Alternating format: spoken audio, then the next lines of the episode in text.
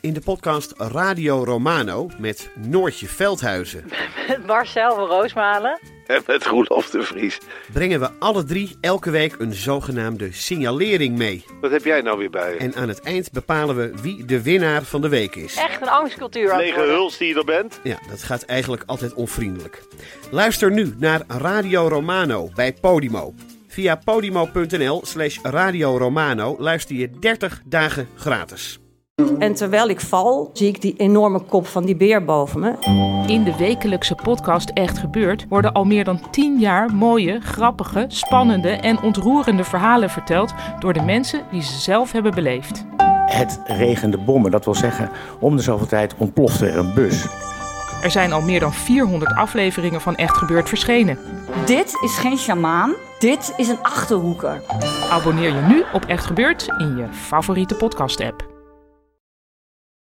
Maar je hebt geprobeerd er eentje te luisteren. luisteren. Ja, nee, een paar. Ik ging, Paar. dacht, ik vond... Nee, nou, Dan richt moet ik hem nu even wel op Oh hoor. ja, zo ook even de aanleiding. Kennen jullie Jos van Twitter? Jos. Jos Dekker. Ja. Ja. Nou, Jos, die had mij gisteren of eergisteren een bericht gestuurd. Wauw, je komt bij... wat- Hoe heet dit ook alweer? De eeuw van de, De amateur? heel van de ja. amateur. Hoe, waar zit ik ook weer? Ik zou... eh, Het is- Ik weet niet. Het is, het is donderdag, dus dit moet Amsterdam zijn. Ik weet niet. eh, ja, die podcast. Het is echt de allerbeste podcast ooit. Ik ben zo jaloers. dat ging ze allemaal sturen. Oh, lieve Jos. En eh, wil je alsjeblieft mij noemen? Vroeg ze dus bij deze. Oh, nou. Ehm, en ik, zou, ik, ik, ja, ik ga wel iets met een podcast doen. Ik weet niet hoe die heet. Ik ga het even opzoeken. En toen was het dit dus. En, en nou ja, toen was Jos nog blijer. En eh, toen dacht ik, nou, dan ga ik maar even iets luisteren. Maar ik, ik sorry jongens, ik- ik- dit is echt... eh, Dit te ik- veel. eh, dit kan ik niet. Nee. Wat een rommeltje. Ja. Welke ging je luisteren? Wacht even. Iets met Paulien Cornelissen. Maar je hebt heel veel met Paulien Ja. Cornelissen. Alleen het was Ja. de bovenste eerst. Want ik dacht, oh leuk Paulien. Maar Paulien is dus de hele tijd. Maar dat zag ik toen nog niet. Nou, En, eh, één keer in de maand is er Iets maar... met Aafbrand Corsius. Oh, die. En, maar echt dat En begin, daar zat man. JP ook bij. Dat, was die, dat is die decemberaflevering die je hebt gehoord Nou, vast niet. Gewoon die laatste, denk ik. De laatste, ja, ik ben van boven naar beneden Ja. gaan scrollen. Dus ik ben tot pagina 2 gekomen op jullie website. Ja. Oh. Maar hoezo is het dan zo'n rommeltje? Wat doen we dan?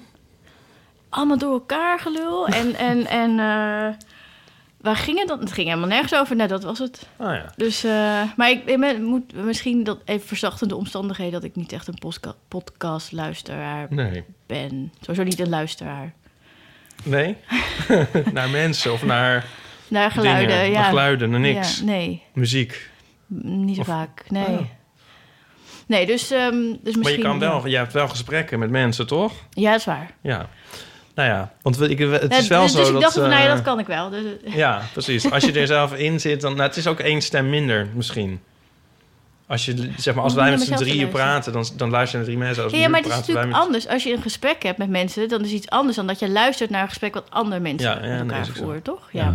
Ja, nee, dat bedoelde ik eigenlijk dus ook. Dus ik hoop dat het dan toch Maar nog... ga je hier nu in knippen? Ga je in knippen? Weinig. Weinig. Nu Ja, al een bende. ja nee, ja, ja. Nou, ja, Ja. vind je? Onze volgende gast die ik- zit nu te luisteren en die Nee, denkt ik, van... Oh, jemig. ik, ik, ik bedoel, ik, ik, je kan nooit iedereen eh, ten dienst zijn, maar ik probeer toch te denken van, maar hoe zou het dan, hoe zou het dan wat minder rommelig kunnen zijn misschien? Oh, je vindt het zelf ook rommeltje? Nou, ja. Ik niet hoor. Jij niet. Ik- Het weet is je, gewoon een afspiegeling van eh, Het- hoe mensen praten. ja, Maar jullie hebben ook een prijs gewonnen en zo, las ik ergens anders op jullie website. Dus kennelijk zijn er mensen die van rommeltjes houden. ja, maar wat is een rommeltje? Nou, een beetje chaotisch, ongeorganiseerd, alles door elkaar. Nou, dat. Vond de jury ook hoor. Die zei, die kraakt ons eerst helemaal af. Dat is wel en toen waar, zeiden ja. ze, en de prijs gaat naar Ja, de toen- eeuw toen van waren de wij al- amateur. Nou ja, misschien vinden mensen dit gewoon heel leuk. Dat, toch? Ja, ik, ik ben meestal niet gemiddeld in dingen, dus, dus het zegt niks. Oh, ja, nee, nee, ja, precies, nee. Ja, ik weet niet, nee, maar ik we horen het wel vaker. En ik bedoel, het is natuurlijk niet zo georganiseerd als bijvoorbeeld een eh, Radio 1-programma is. Dat klopt. Ja. Dat is het niet. Nu ook. Nu beginnen we gewoon. We hebben nog niet eens verteld wie jij bent. Nee, doe maar eens even. Ja, Tinkerbell. Welkom. Wacht, we gaan het even officieel doen.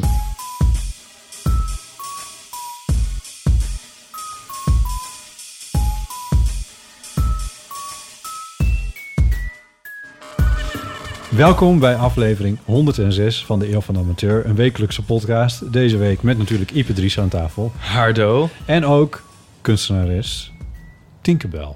Hallo. Wat leuk dat je er bent.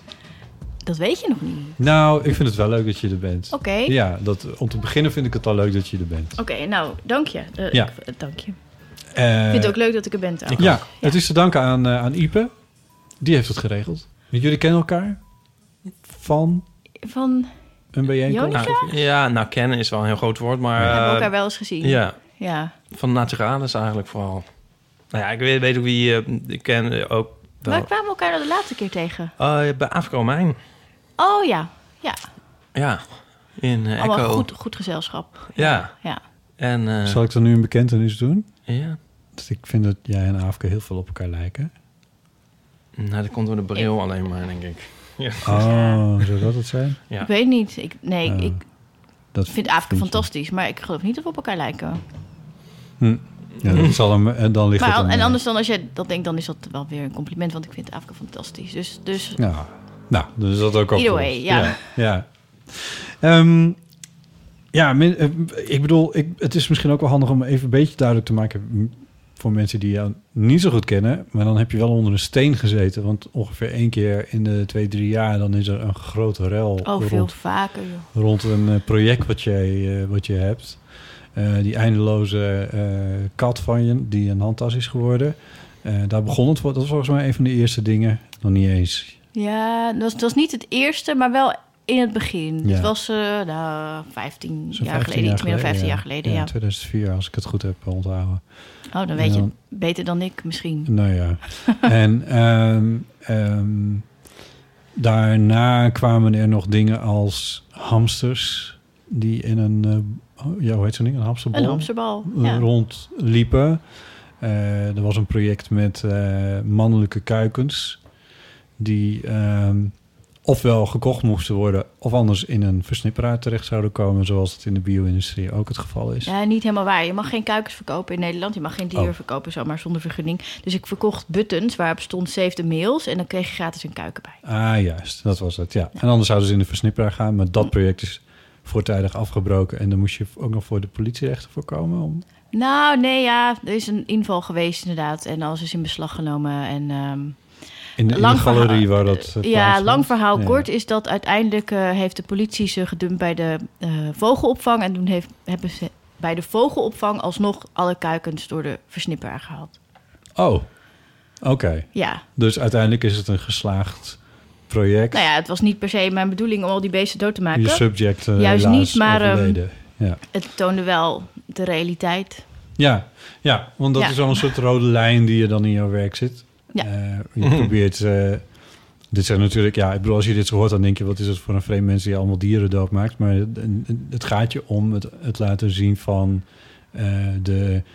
Ja, Ja, ik noem het zelf die- de, de errors in onze normen. Maar dat is Ja. meteen alweer heel ingewikkeld. Maar eigenlijk gewoon... iets wat de- normaal gesproken achter de schermen plaatsvindt. Zoals dat Ja. met die kuikens. De mannelijke kuikens die, die verdwijnen in die, in die snipperaars. En dat gebeurt met, nou ja, afgaan. Miljoenen per jaar. Ja, dus dat is heel veel. Dus dat zien we, maar dat zien we niet. En nu liet je het een keer wel zien. Ik moest heel erg denken aan een project wat hier in Amsterdam is geweest. Misschien ken je het wel. Dat was toen voor Mediamatic. Dat is onderhand Die ook wel- koeien. Ja, Tosti-fabriek. ja, de Tosti-fabriek die eh, heeft gestaan. Ik vond dat een fantastisch project. Ja, vond ik ook. Eh, waarbij er eh, op zich vrij onschuldig een veld met graan werd geteeld. Want ze wilden zeg maar alles maken ter plekke wat er nodig is om een tosti te maken. Ja. Dus graan had je nodig om brood te bakken. Je had melk nodig natuurlijk om dat brood te bakken, maar ook om die kaas te maken. Dus er stond, eh, er stond eh, eh, jonge koeien die een kalfje kregen. En als ze een kalfje gekregen hadden, dan gingen ze melk geven. Dus dat. Maar het moest ook een, het moest een hamkaas eh, tosti worden. Dus er waren ook twee biggetjes, twee geloof ik, als ik me dat goed herinner. En eh, die werden opgevoed met, ja, met een simpel doel, namelijk uiteindelijk ham worden. Ja, nou, ik weet dat er buren hebben geklaagd toen de kalfjes bij de moederkoe werden weggehaald. Want Ja. toen ging de koe Ja. roepen om de baby's. En dat maakte zoveel lawaai. Ja. Ja, en het was zielig. Ja, ja. en ik, ik kom van een boerderij, van een melkveehouderij, dus ik ken dit fenomeen. Ja, En eh, het- meestal doe je dat, doen boeren dat eerder. Dus eh, voordat een koe zich gaat hechten aan een kalfje, dan Ja. gaat het kalfje er al bij vandaan. Want anders dan Het is interessant, want het, speelt nu erg. Hè? Want Partij van de Dieren is daar ook mee bezig... dat kalveren langer bij de moeder kunnen blijven. En goh, ik weet Ja. niet meer waar ik dat nou las... maar dat een onderzoek had aangetoond... dat het inderdaad beter is voor de koeien en ook voor de kalveren... eh, om ze meteen weg te halen bij de Veel moeder. Maar dat gaat natuurlijk stress. helemaal tegen ons gevoel Ja. van... weet ik veel, Ja. logica in. Ja, ja. Ja. Het, is, het is ook een gekke logica, want het is een soort eh, humaniseren van, eh, van de dieren. En dat Ja. is volgens mij ook niet helemaal... Te, ja, Iper zit helemaal te stuiteren nu. Want Nee hoor, maar niet. Waarom zit ik te stuiten? Een Nou, partij voor de dieren adept tot en met. Ik ben helemaal niet een partij voor tot de dieren. adept Tot Nou zeg. Ehm, ik, ik stem op Partij voor de Dieren, maar... eh, Altijd? wil niet... Ja. Nou, sinds een tijdje. Maar bij alle soorten verkiezingen, zeg maar landelijk, provinciaal, Europees, stedelijk. Eh, Dat, is- ja, weet ik eigenlijk niet wat we hebben- wat hebben we gehad de afgelopen tijd. Nou, dit allemaal. Ah, ja. Maak nog even je Nee, gedachten ja. af over de Nee. Mediamatic. Ik wil het veel Nou liever ja, over Tinkerbell's het- het- eigen werk hebben... dan over die Tosti-fabriek. Nee, ja, natuurlijk. Nee, maar goed. Maar daar moet, dat, was, dat was... Ik heb daar toen... Dat is radio vergelijkbaar- een vergelijkbaar project, Ja, waarbij in de grote stad even Ja. heel erg zichtbaar werd gemaakt... wat er nou gebeurt als je een tosti gaat maken... en daar loopt van alles eh, anders en mis... en worden dingen zichtbaar die anders verborgen blijven, et cetera. Over de slachten van die varkens was toen heel veel te doen ook. Ja. Dat eh, mensen hebben echt actie gevoerd om die varkens te redden. En toen dacht ik een beetje de gedachte die jij in mijn ogen ook heel vaak hebt... van ja, dan ben je twee varkens aan het redden. Gefeliciteerd. Weet je wel wat er allemaal gebeurt Precies. achter de schermen? Ja, Dat is een beetje de gedachte die jij... een beetje. Nou ja, Ja. eigenlijk helemaal. Ja. Die hypocrisie die Ja. daarachter zit, Ja. die wil jij blootleggen. En dat doe je, dat doe je trouwens over, met veel meer projecten dan alleen over dieren. Maar dit is wel wat veel in... eh, Ja, de laatste jaar eigenlijk heel weinig met dieren. Maar ehm, Ja, het, eh, het heeft zich wat eh, verplaatst naar ook vluchtelingenvraagstukken. Ook, ja, nee, echt van alles. Ja, errors in het systeem of errors in de normen, Ja, dat precies. is echt heel veel. Weet je wat ik zo mooi vond? Maar, maar die lees je niet terug in de samenvattingen, maar de slakken. Dat vond ik zo leuk. Oh ja. Hoe werkt dat? Ja. Ja, misschien wil je dat zelf Save the. Snails heette het. Ik was gevraagd door een, ehm, een museum, Villa Zebra in Rotterdam, om eh, een- eh, iets te bedenken, een project te bedenken in een tentoonstelling was voor kinderen. En eh, ik moet even nadenken hoe die tentoonstelling nu heette. Ik weet het niet meer. Ehm, Ik kan snel googlen voor je. Ehm, het ging in ieder geval over waarom we eh, sommige dieren als huisdier hebben. Dus sommige dieren vinden we lief en sommige dieren heet- eten we op. Tentoonstelling Ah, wat lief. Oh, ah, wat lief. Ja, precies. Ja. Nou goed, eh, eigenlijk heel simpel. Simpele vraagstelling natuurlijk. En ehm, eh, slakken zijn natuurlijk per definitie dier, of voor heel veel mensen gewoon ongedierte, waar we proberen vanaf te komen in de tuin en zo. Dus dan ga je zout strooien of schoteltjes met bier zodat ze verdrinken, of gewoon gif van die korrels en eh, alles om ze maar dood te krijgen. Dus dat is normaal. Dat, dat, eh, daar vinden we doorgaans niet zoveel van.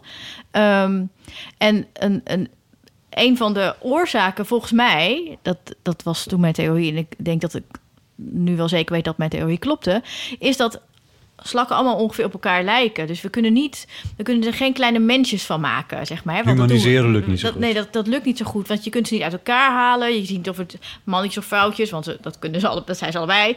Ehm, dus ehm, ja, eh, je kunt er niet zoveel mee. Je kunt er niet zoveel van maken. Dus ik dacht van, als je da- dat nou aanpakt. Dus toen heb ik, eh, nou, volgens mij had ik iets van 2000 slakken of zo. Die heb ik toen allemaal eh, versierd. Zo Maar echt van- van die Ja, huisslakjes, veel. dus met ja, ja, ja, die- ja. Ik ben die- echt het Amsterdamse bos ingegaan en ben daar slakken gaan halen. Wauw. En eh, die ben ik allemaal gaan beplakken met ehm, eh, hele lichte kralen. Dus die, met licht gewicht. Dus, dus plastic kralen, dus dat ze er geen last van zouden hebben.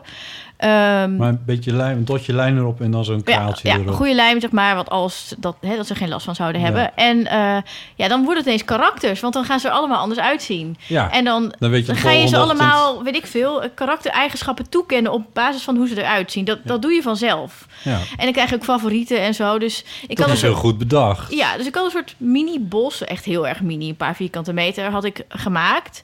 En daar zaten al die slakken in en daar kon je dan doorheen lopen. En, Voorzichtig. Voorzichtig, ja. en ehm, het was natuurlijk geheim van tevoren wat ik daar ging doen. Ehm, maar er was een journaliste van het AD, ik weet niet hoe ze heet. ik zou haar nu vuile kut willen noemen. Ehm, en eh, zij had op de uitnodiging gezien dat ik daar iets ging doen. En zij wilde al voor de persopening eh, komen kijken. En ehm, nou, ja, we waren nog niet klaar. Dus ik had zoiets van, nee, er is een persopening. Ja. En die is morgen. En kom dan maar, ja. En dan is ook de verrassing wat er gaat gebeuren. Ja, precies. En ehm, ze wist al wel dat het iets met slakken was, geloof ik, maar ze wist gewoon niet hoe of wat. En toen heeft zij eh, een stuk in de krant geschreven. En daarin stond al dat er een rel was. En volgens mij ook dat de dierbescherming boos was en zo. Ze had nog helemaal niks gezien. En daardoor werd het een rel. En eh, terwijl er gewoon nog helemaal niks was. En eh, wat daar volgde was dat er een cameraploeg van ja, een, een of andere lokale omroep. TV Rijnmond. RTV Rijnmond, die zijn eh, toen ook naar, de tentoon, naar de persopening gegaan. En die hebben zich nou, die, die hebben net gedaan alsof ze heel geïnteresseerd waren, et cetera. Maar dat waren ze niet. Wat, waar ze op uit waren, wat ze hebben gedaan. Ze hebben stiekem een aantal van die slakken meegenomen, gewoon diefstal. En daarmee ehm, zijn ze langs allerlei dependances van de dierbescherming geweest. Maar nu moet je weten dat de dierbescherming een Tinkerbell-protocol heeft. En dat is, wij geven geen antwoord. Want dan worden we onderdeel van een kunstproject en dat willen we niet. Dat is het Ah, ja. protocol bij Ah, de ja. dierbescherming. Ja, maar goed, Dat, dat valt te respecteren al of je Zeker. leuk vindt. Ja, precies. Zeker. Eh, vind ik zelf heel grappig om, om protocol te zijn. Ja. ja. Ehm, maar er werken natuurlijk heel veel vrijwilligers bij een dierbescherming. En ja, die zijn niet allemaal op de hoogte van protocollen en dergelijke rondom een kunstenares. Eh, Dus die- In ieder geval, ze vonden ergens in, weet ik veel waar, eh, twee vrijwilligers. En die wilden wel hier iets over zeggen. Die Ja. zeiden nou meteen, dit is diermishandeling. En die hebben toen die slakken ingenomen zelf. En die zijn gaan proberen om die kraaltjes er vanaf te pulken. Oh. Natuurlijk ging dat niet, dus de Nee. slakken dood. Ehm, ja, dat, ik bedoel, als ze gewoon naar mij toe waren gekomen, had ik gezegd... nou, dat moet je niet doen, want dan gaan ze kapot. Gaat kapot, ja. Precies. En ehm, nou ja, de rel werd nog groter en ik heb aangifte gedaan van diefstal. En toen heeft de officier van justitie gezegd dat ze die zaak niet in behandeling gingen nemen, want er waren zoveel slakken dat het niet als diefstal gold. En dat, nou ja, dat is natuurlijk absurd. Alsof als je heel veel geld hebt, dan kun je er wel iets van meenemen, zeg maar. Dan, dan, dan mag je Ja. geld meenemen van iemand, want hij is toch al heel rijk, dus Ja. dat is feitelijk hetzelfde. Ehm, maar goed, Ja. dat, dat gebeurde er en er was, ja, dat was een gedoe. De- Het is de- Maar, bizar verhaal ook weer. Ja. ja. Hoe ehm, is het om eh, dat, ja, die vraag zal wel heel vaak gesteld worden, om zo vaak onbegrepen te zijn? Nou, in het geval van Villa Zeba... Kijk, ik kan er best wel goed mee omgaan. En ik, ik kan ook heel stellig zijn. Als iemand een vuile kut is, dan noem ik iemand gewoon een vuile kut... en dan slaap ik daar niet minder om. Waar ik wel minder om slaap, is dat in dit geval... was een, echt een super leuk, sympathiek museum. Villa Zeba is fantastisch. Als je kinderen hebt, moet je daarheen. Ehm, en die mensen die daar werken waren allemaal van die hele lieve, lieve mensen. Die hadden nog nooit zoiets meegemaakt. En die hebben daar wel echt slapeloze nachten Maar van al- die gehad. hadden ook wel een beetje van kunnen voorzien als, Nee. ja, niet? Nee, het is ook... Maar nou ja, doe, doe jij wel eens dingen die zo, die ze, zeg maar rimpelloos verlopen? Niet zo vaak. Maar het ding is dat... ehm, Ik bedoel, ik bedoel dat niet van eigen schuld, dikke bult of zo, maar... Nee, het, het ding is dat het project... ik, als ik een project doe, maakt niet uit wat voor project... of het nou wel of niet met dier of whatever. Ik bereid alles heel goed voor. En een onderdeel van de voorbereiding is ook een juridische voorbereiding. Dus ik weet heel goed waar ik juridisch sta. Ik weet van alles Mhm. over wetgeving... over een specifiek onderwerp als ik er iets mee doe... En alles wat er al is gedaan en gezegd in het verleden, ik weet, ik weet alles. Dus ik, ik ben gewoon heel zeker van mijn zaak. Ja. Hè, dus in dit geval eh, wist ik ook van een slakken-expert dat het geen kwaad kon. En, en ik- Om die kraaltjes op te ja, plakken, dus ik, ja. ik check alles. Dus het is, het is nooit zo dat ik zomaar even iets doe. En zo lijkt het soms wel voor sommige mensen, dat begrijp ik wel. Maar zo is het niet. Nee. En, eh, en dat is natuurlijk in de voorbereiding van zo'n tentoonstelling... bespreek je dat soort dingen allemaal met zo'n museum. Dus zij weten ook, alles is supergoed voorbereid. Het verhaal klopt helemaal. Er is, het is perfect. Het is gewoon, er is niks op aan te merken. Maar ja, als er dan een vuile kut komt... die een soort rel gaat maken om een verhaal wat ze nog niet kent... Ja, dat heb je gewoon niet in de hand. Nee. En het is wel zo dat... ehm, nou, ik, moet, ik heb de indruk dat het eigenlijk de laatste jaar iets minder is geworden. Dat is wel prettig. Eh, maar er was wel een, een, een, een periode dat journalisten gewoon als ze mijn naam zagen, als iets hadden, ha, we kunnen Ja. weer iets, we kunnen weer iets.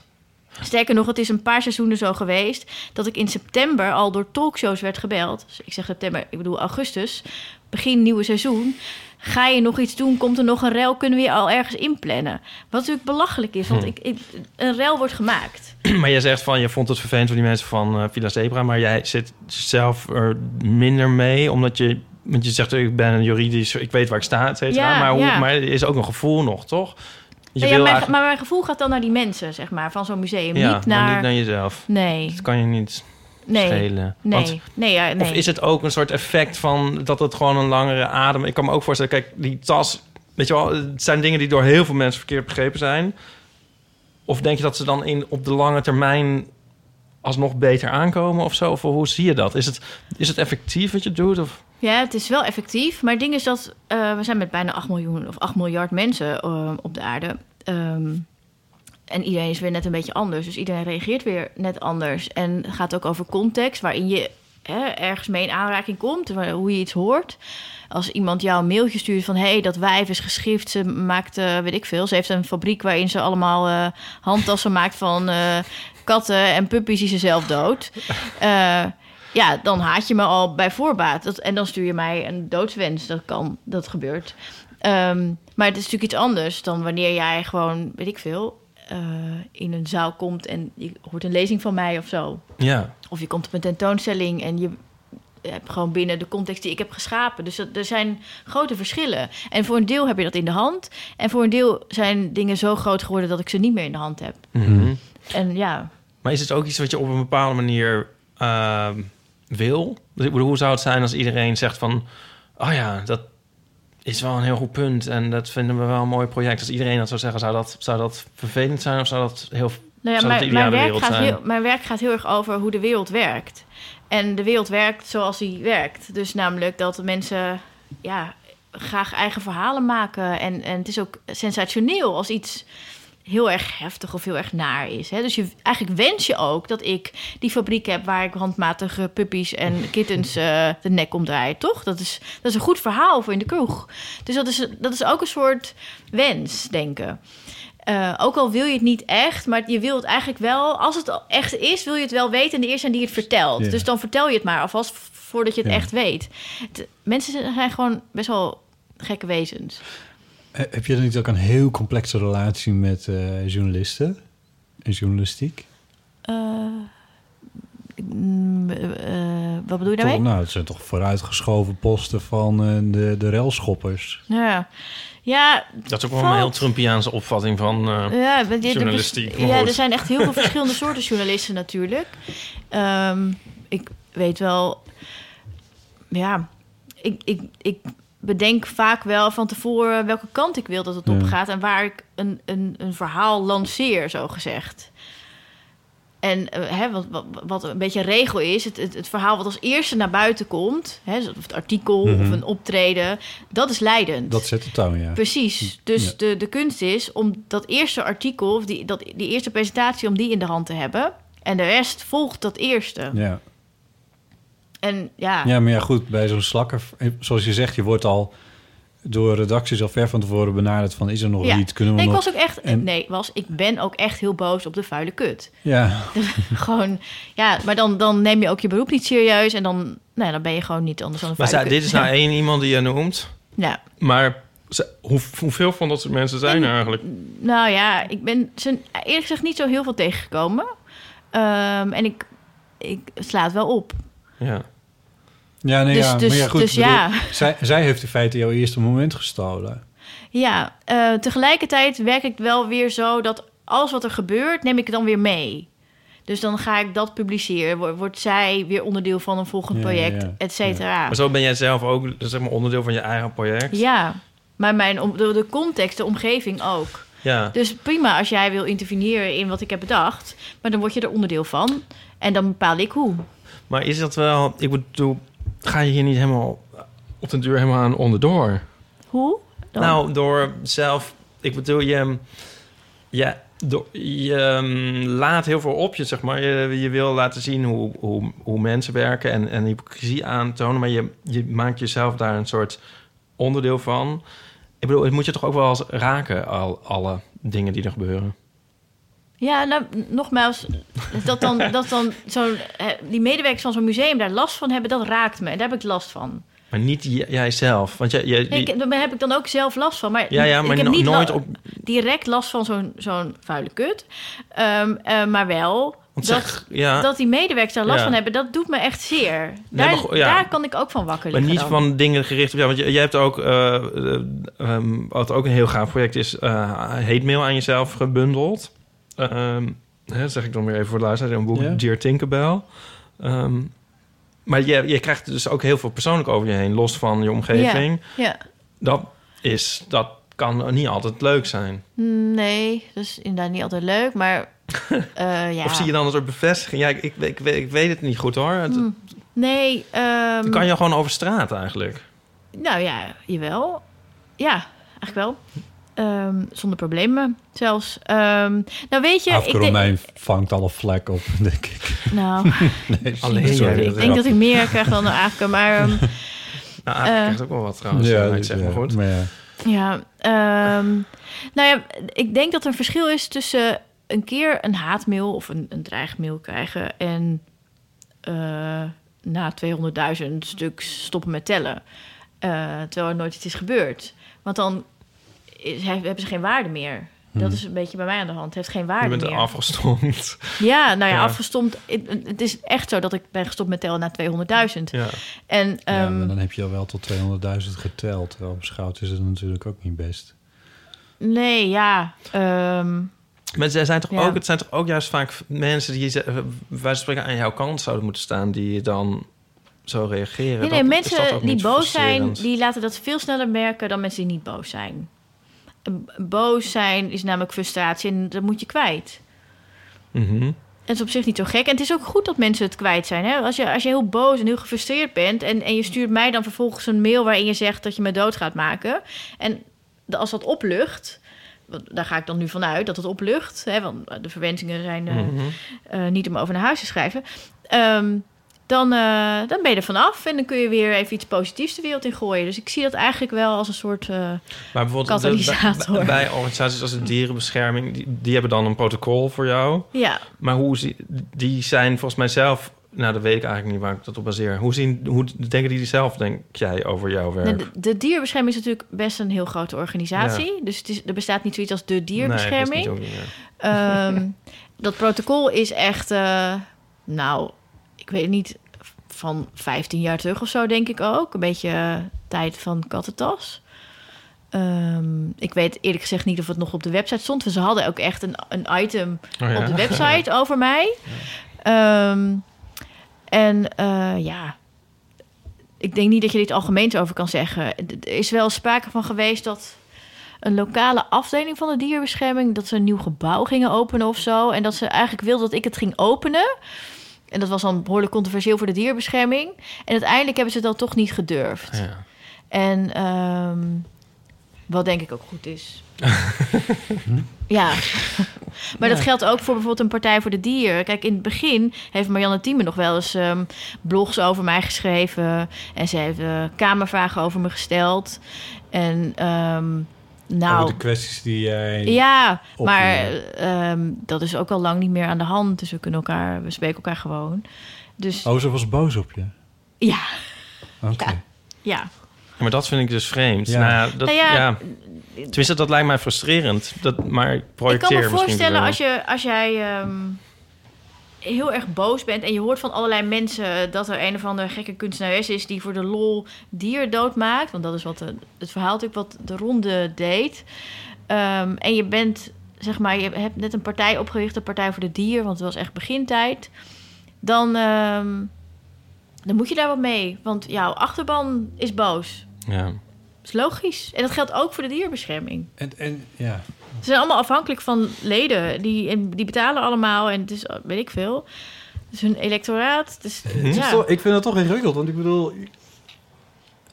Ja, misschien ligt het aan mij, maar ik heb het idee dat jullie hetzelfde nastreven. ja, ja, maar dat, dat is eh, niet helemaal, maar voor een groot deel wel zo. Ja. ja. Ik bedoel, ik, ik kan me ook voorstellen dat als jij een error in het systeem van de dierenbescherming ontdekt... dat je daar met, met even liefde op springt. Maar in principe ging het jou juist om de hypocrisie achter hoe wij met dieren omgaan aan de orde Maar je moet stellen. wel, wel ook iets begrijpen. Nogmaals, dat de dierbescherming is niet één persoon. En de, de Partij voor de Dieren heeft ja, een electoraat. Dus zij moeten, eh, ze hebben stemmers nodig. Ja. En op het moment dat een achterban boos is op mij... dan kun je niet voor mij uitspreken. Want dan verlies je gewoon je achterban en je leden. Dat kan niet. Dus dat is, dat is politiek. Ja. En ik begrijp dat. Ik vind dat prima. Nee, dat is ook heel goed te begrijpen. Het is alleen wel heel jammer dat het zo plat is. Ja, ik, ik vind echt geen probleem. Echt niet? Nee, nee, ik snap dit. Ja, je snapt ik ben, het. Ja, ik ben gewoon een Maar pragmaticus. Ik wil graag. Ik, ik, ik vind het goed dat de Partij voor de Dieren groter is geworden. Eh, ik Maar vind ieder echt. mens wil toch begrepen worden? Ik, maar ik word ook begrepen, maar niet door de hele wereld. En dat is ook prima, want Oh. heel veel mensen die, eh, zijn daar niet toe in staat... of die wensen helemaal niet om mij te begrijpen. Ja, die willen het niet. En dan, vind Ja. je dat, dan denk je, laat maar. Ja, ik bedoel, ik, ik, het is niet nodig hoor. 8 miljard mensen die, eh, Die jou allemaal snappen wat ik doe. Nee, nou, dat is misschien ook wel heel ambitieus. Maar Ja. goed, ja. Nee, maar ik bedoel, een, eh, zo'n Partij voor de Dieren, dat, dat zouden jouw allies moeten zijn. Je, je wilt toch begrepen Ja, maar worden je hebt een verschil tussen allies, zeg maar, achter de schermen en onge, onuitgesproken eh, en, en politiek bedrijven. Ja. Ja.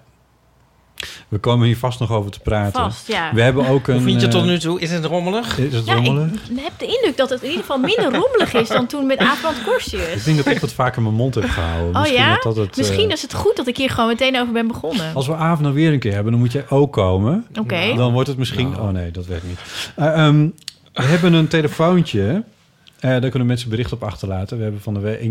Je was Oh ja, zo ik aardig om het ja. ook nog Ja, even ik heb het te eh, gedeeld op mijn eh, Instagram live. ja. Eh, en daar hebben, mensen, hebben een paar mensen op gereageerd. En laten we om te beginnen even luisteren naar een De bericht. jingle. Dat is... Nee, want dit is nog niet, de- nee, dit is nog niet de officiële eeuw. Ja, Oh, is, het, is de- dit? is het de eeuw? Is is toch de eeuw ja, van? het- het- vooruit, ja, dan krijgt het het. 06 Het is heel rommelig hoe dit die jingle erin is. 71. Goed. Punt was, eh Marjolein heeft een berichtje achtergelaten. Hallo Botte, Ipe en Tinkerbell met Marjolein. Eh, ik was vorige week heel enthousiast toen ik hoorde dat Tinkerbell kwam. Want wat zij niet weet, maar wat voor mij een belangrijk moment in mijn leven is geweest, is dat ik toen ik in 2002 examen ging doen voor het VWO, eh, altijd dacht dat ik naar de PABO zou gaan, want ik wilde echt heel graag juf worden. En, eh, maar toch ben ik op aanraden van mijn docent tekenen naar de open dag van de ABV in Tilburg geweest. En daar kreeg ik een hele leuke rondleiding van iemand die heel enthousiast en eh, op een leuke manier in het leven stond. En toen dacht ik, dit moet ik gaan doen. Ik moet het in ieder geval gaan proberen. En ik ben nog elke dag blij dat ik toen van Tinkerbell een rondleiding heb gehad. En eh, dat ik niet met kleuters te maken heb, maar met heerlijke pubers die eh, op weg zijn naar volwassenheid en waar je soms hele mooie dingen mee meemaakt. Dus bij deze heel erg bedankt. Eh, wat ook leuk is misschien om te horen is dat ik eh, eh, dat wij in, bij ons op school ook best veel ook aan kunstbeschouwing doen. En dat we ook regelmatig werk van haar bespreken met leerlingen. En dat is natuurlijk, levert vaak leuke reacties op. Dus nou dat wilde ik jullie even laten weten. En ik ben eigenlijk benieuwd of jullie zelf ook iemand hebben waarvan je denkt... Nou, het zou best leuk zijn als er een keer een gelegenheid komt dat ik diegene kan bedanken omdat die belangrijk voor me is geweest. Zonder dat die persoon dat door heeft gehad. En eh, nou ja, ik ben benieuwd naar jullie eh, verhalen. Doei doei, ik eh, hoor het wel. Ja, Dag. dankjewel Marjolein. Heel leuk bericht. Nog enig idee wie ze is geweest?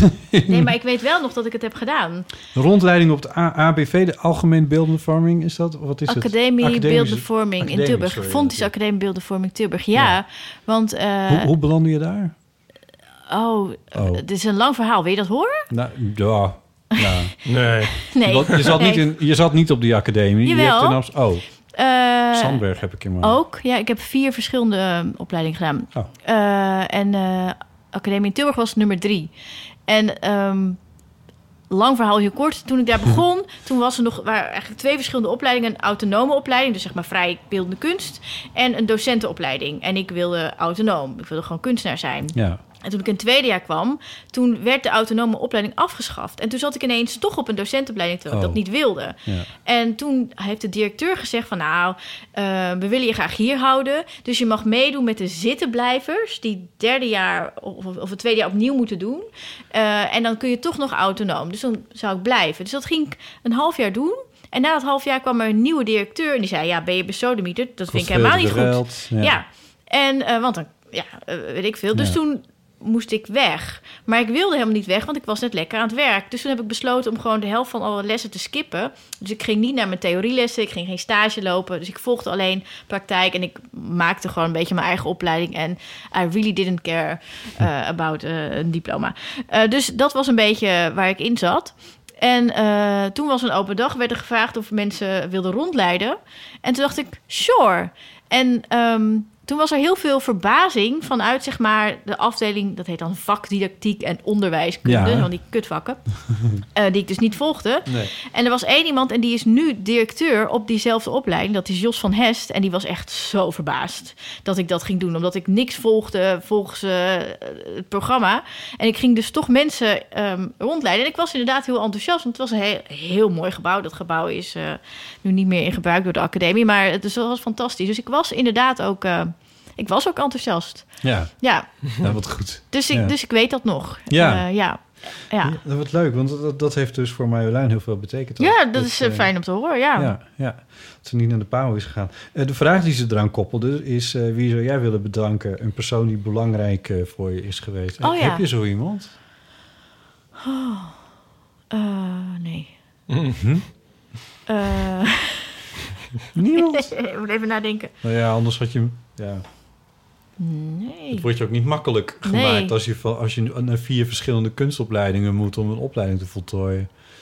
Oh ja, nee, maar dat, ik, ik adviseer iedereen die naar een kunstacademie gaat... om vooral geen opleiding af te maken... en heel erg van de een naar de ander te hoppen. Want er bestaat geen waarheid in de kunsten. Dus dan kun je maar beter met zoveel mogelijk mensen praten... en je eigen waarheid maken. Hmm. Maar ehm, Je hebt er eentje afgemaakt, toch? uiteindelijk het Sandberg Instituut ben Ja. ik afgestudeerd. Ja, Ja. ja. Eh, na tien jaar. Was het Eh. al tijdens je studie, waren er tijdens je studie ook al rellen? Of ging het toen nog Ja, toevallig eh, in Tilburg. Ja. Ja. Ja. Toen eh, had ik... ik had van een kindje... had ik een, ehm, een nest muizen gekocht. Het was op, weet ik veel, zo'n briefje in de supermarkt. En er was gewoon een kindje mij in de straat. En de muizen van dat kindje hadden baby's gekregen. En ik weet twintig muizen of zo. Van die hele kleine Oh, ja. muisjes. Dus ik... En ik dacht, nou, die wil ik wel. Zat er? Oké, ja. Die heb ik toen ehm, in een kooi gestopt en ehm, op een sokkel gezet als een soort van kunstwerk. En, ehm, eh, maar toen gingen allemaal mensen, eh, medestudenten, gingen allemaal eten erin gooien, maar veel te veel. Dus waar echt, waren zulke kleine beestjes. Dat, dat, en dat, dat eten, dat ging bederven en dat stonk en dat was vies. En ik gaf ze al goed voer. Dus ik had een briefje opgepakt. Niet Niet voeren. voeren.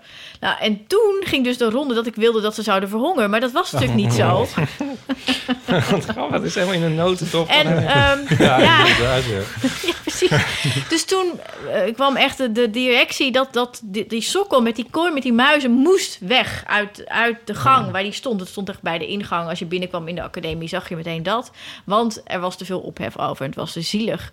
En, ehm, maar je, je moet babymuizen helemaal niet verplaatsen. Dat is niet goed voor Oh, ze. Dat is stress. Dus ik verplaatste ze. En ze hebben toen één nacht in mijn atelier gestaan. En toen had één muis alle andere muizen opgegeten. Oh nee. Nou ja, goed, dat is er dus gebeurd. ja, those were the That- days. that went well, Ja. Oké. Ja. Oké, en die Ja. ene muis? Eh, ik heb geen idee meer eigenlijk. Nee, ik weet het niet meer. mooi. Nou ja. Ik, doe me, ik moet opeens denken aan een verhaal van... eh, heb ik het al eens verteld? dat ik een springhaan moest fotograferen. Oh ja. En ehm, toen dacht ik, hoe moet ik dat nou weer doen? En toen was ik naar de dierenwinkel gegaan. Toen- daar hadden ze nog wel een bakje springhanen kan je dan kopen. Oh ja, ja.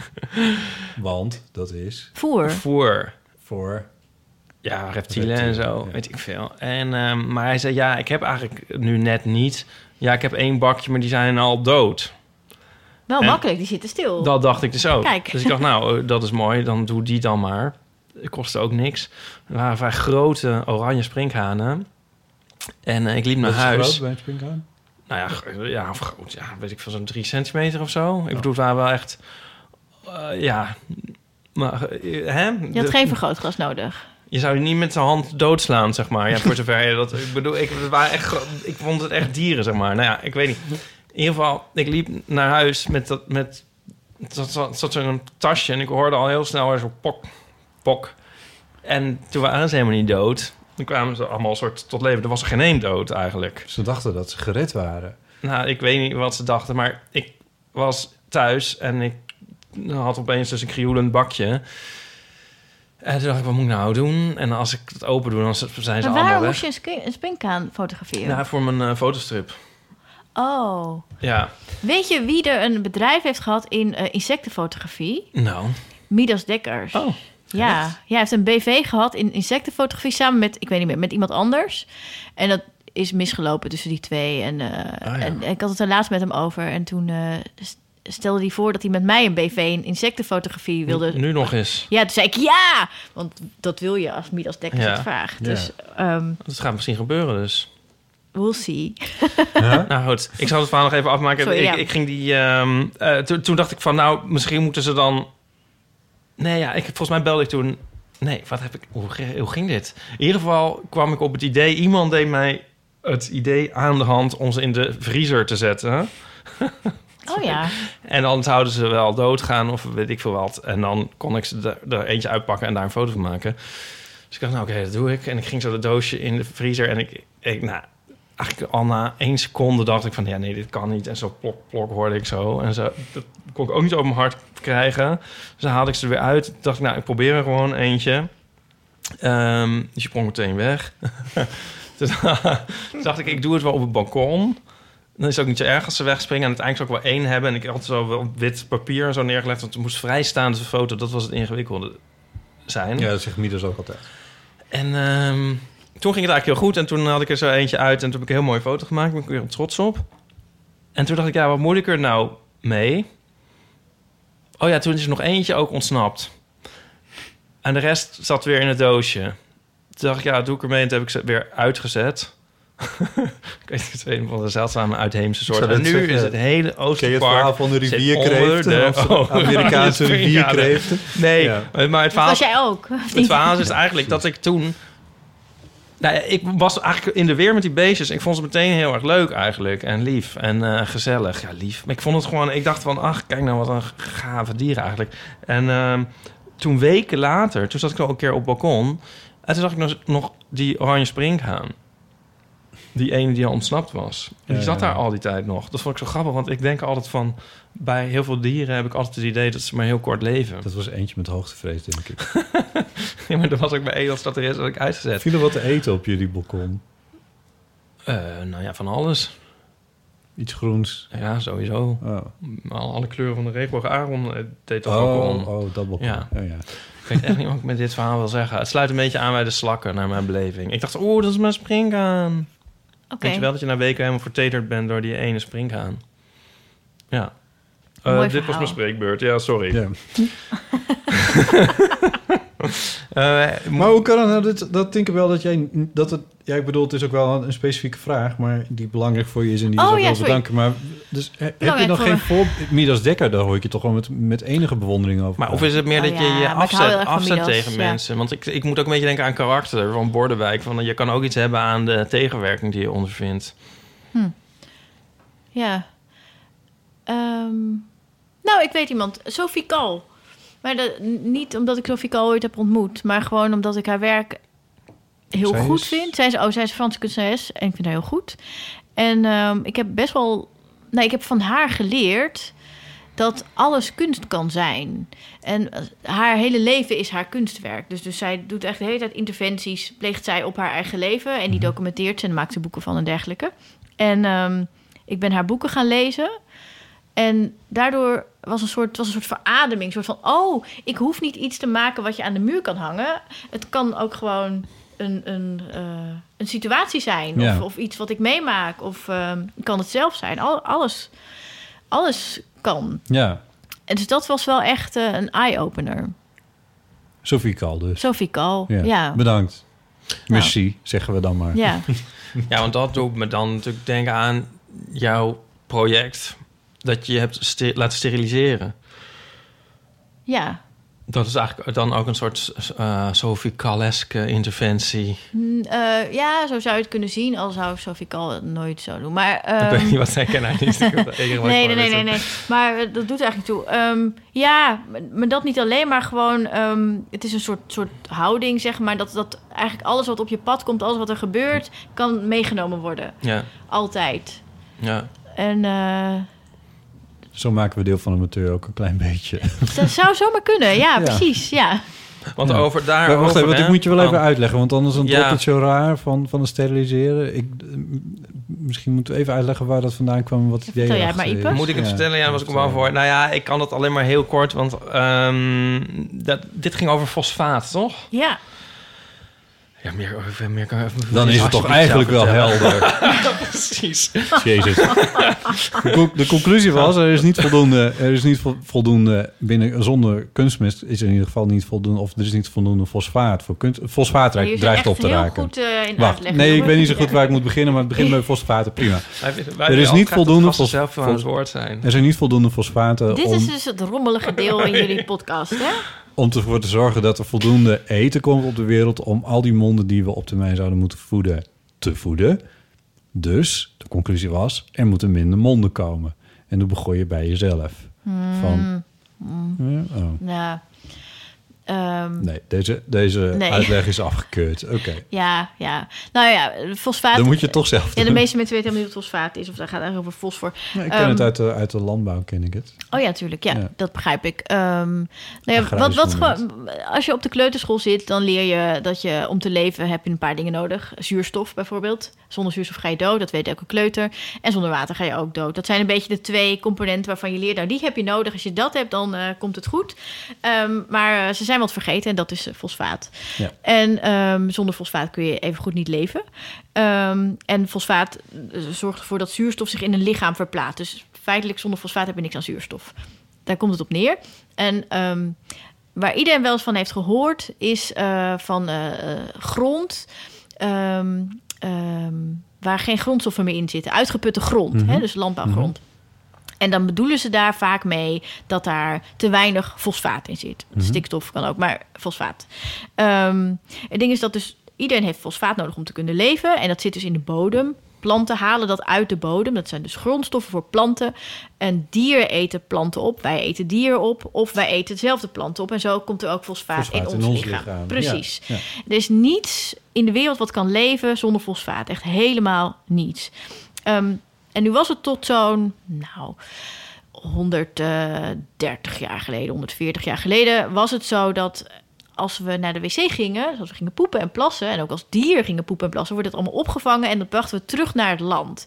Dus en in de poep en plas van mensen en dieren zit dat fosfaat weer. Want dat heb je opgegeten en weer uitgepoept en plas. En je bracht het terug naar het land, waardoor een soort circulair systeem Ja, ontstond. Waardoor het nooit opging. Precies. Maar toen hebben wij eh, iets heel slims uitgevonden. Dat zijn eh, rioolsystemen. Het is hartstikke fijn, want toen gingen mensen niet meer allemaal dood aan allerlei eh, infecties en dergelijke. ja. Ehm, maar toen raakte wel het fosfaat op uit de bodem. Toen hebben we ontdekt dat er een paar bronnen zijn in de wereld. En eigenlijk is er maar één hele fijne, grote, schone. En dat is in Marokko, in de Sahara. En daar halen we fosfaat uit. En dat stoppen we inderdaad in kunstmest. En zodoende kunnen wij toch weer voor zorgen dat er fosfaat in de, bomen zit, of in de bodem zit. En dat er plantjes kunnen groeien. Ja. Alleen die bronnen, die zijn aan het opraken. En die hebben nog nou nu tot eh, voor nog ongeveer eh, minder dan 100 jaar is er nog voldoende fosfaat om alle landbouwgrond te kunnen bemesten. En eh, tegelijkertijd spoelen we steeds meer fosfaat de oceaan in en daar kunnen we het niet meer uithalen. Met andere woorden, het raakt op. En de prognose is dat we binnen minder dan 100 jaar nog zo'n 3, 3,5 miljard mensen kunnen voeden. Maar we zijn dan met ruim 11. En dat is het fosfaatprobleem. Juist, ja. Wat interessant is, is dat er net ehm, dus het drie weken geleden dat de VN met een rapport kwam dat in 2050 dat we door klimaatverandering niet meer de hele wereldbevolking kunnen voeden. Ehm, in dat rapport is fosfaat niet meegenomen. Dit gaat alleen maar over klimaatverandering. En je moet je ook voorstellen dat als de VN met zo'n rapport komt, waarin ze zeggen vanaf 2050 kunnen we niet meer de hele wereld voeden, ehm, dan is dan nemen ze dat best wel ruim. Want ze willen zeker zijn en ze willen mensen niet bang maken. Dus Mhm. je moet ervan uitgaan, er komt een rapport. In 2050 hebben we niet meer voldoende eten voor alle mensen. En dat rapport heeft als doel mensen niet bang te maken. Het is dus met andere woorden veel erger dan dat. En fosfaat is niet meegenomen. Dus we hebben echt binnen nu en nou, volgens mij al vijf jaar... gaan voedselprijzen omhoog en hebben grote delen van de wereld al een probleem. Dat is het fosfaatprobleem. Juist. Oh, Ja. daar heb ik een film over gemaakt, inderdaad. Het heet Save Our Children. En ehm, daarin heb ik laten zien wat de uiterste consequentie is van dit probleem. En dat is dat we geen ruimte hebben voor meer mensen. En daarin heb ik me laten steriliseren. ja. Dit was de samenvatting. Dat was de samenvatting. De ultieme consequentie. eh, De eh, uiterste eh, consequentie, ja. Ja, ja, ja. Ehm, Toch schijn jij een optimistisch mens te zijn. Nee, echt? ja. ja, de gedachte dat we binnen een jaar of dertig compleet naar de kloten gaan... Nou, veel eerder. Ja. Is toch moeilijk te onderdrukken naar dit verhaal? Nou, nee, maar die hebben we toch ook... Die hebben we als sowieso... Maar ik weet niet, maar jij... Nee, maar dit... Dat, ehm, dat, dat las ik. Dat jij eh, optimistisch bent, dat je er niet... eh, ja, ik weet, ik weet niet... Ja, is dat zo of niet? Is dat verkeerd Ik opgeschreven? ben optimistisch. Nou, ik, ik, eh, ik, ik, nou ja, weet je, ik geloof dat, dat we echt De kans is groot. heel veel kunnen doen, zeg maar. We, we kunnen echt dit, dit heel erg uitstellen. Dat kan.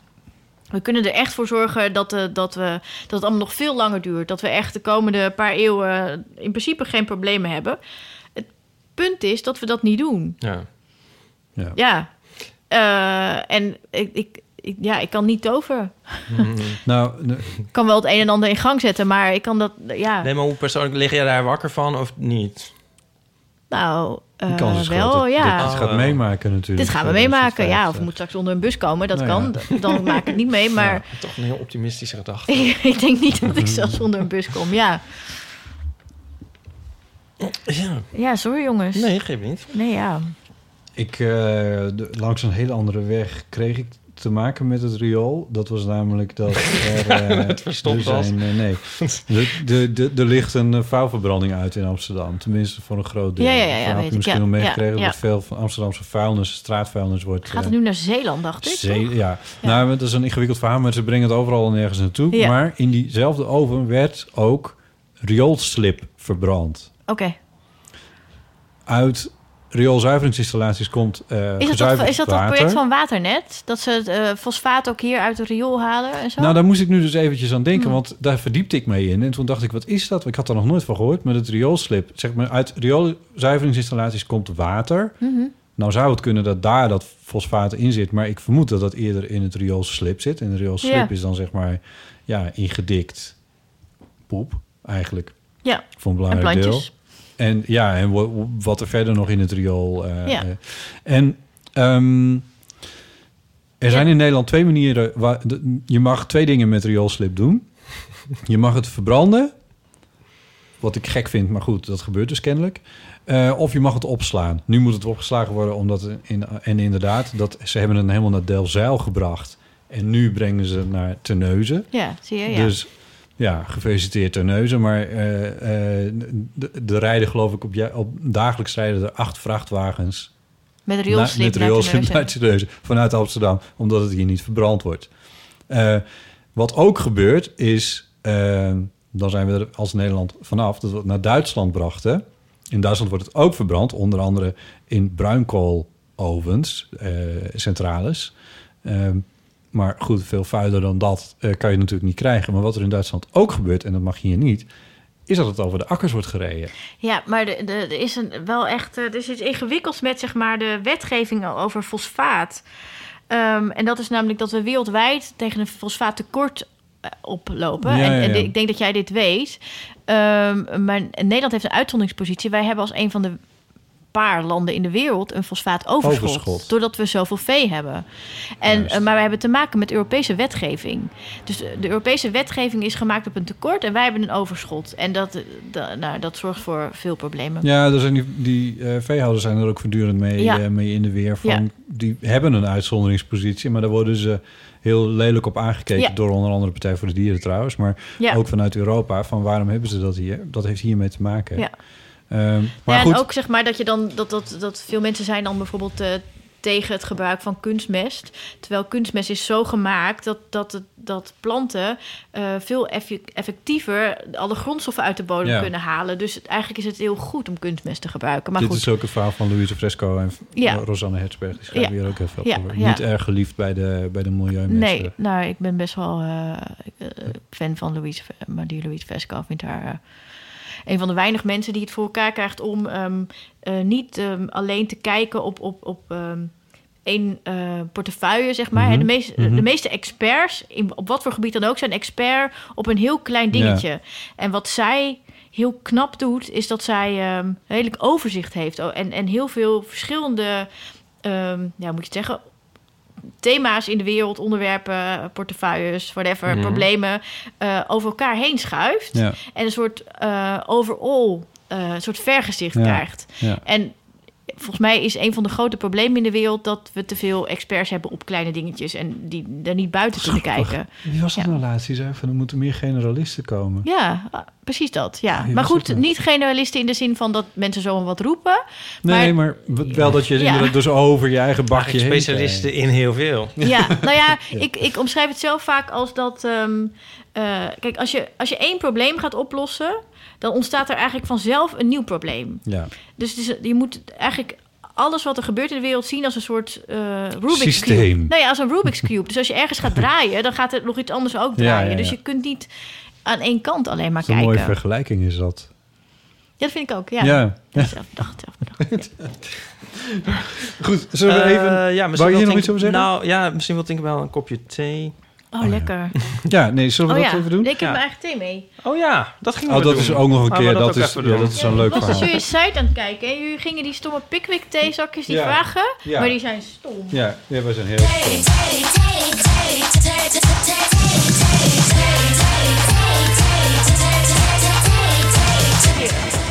Nou, wat leuk.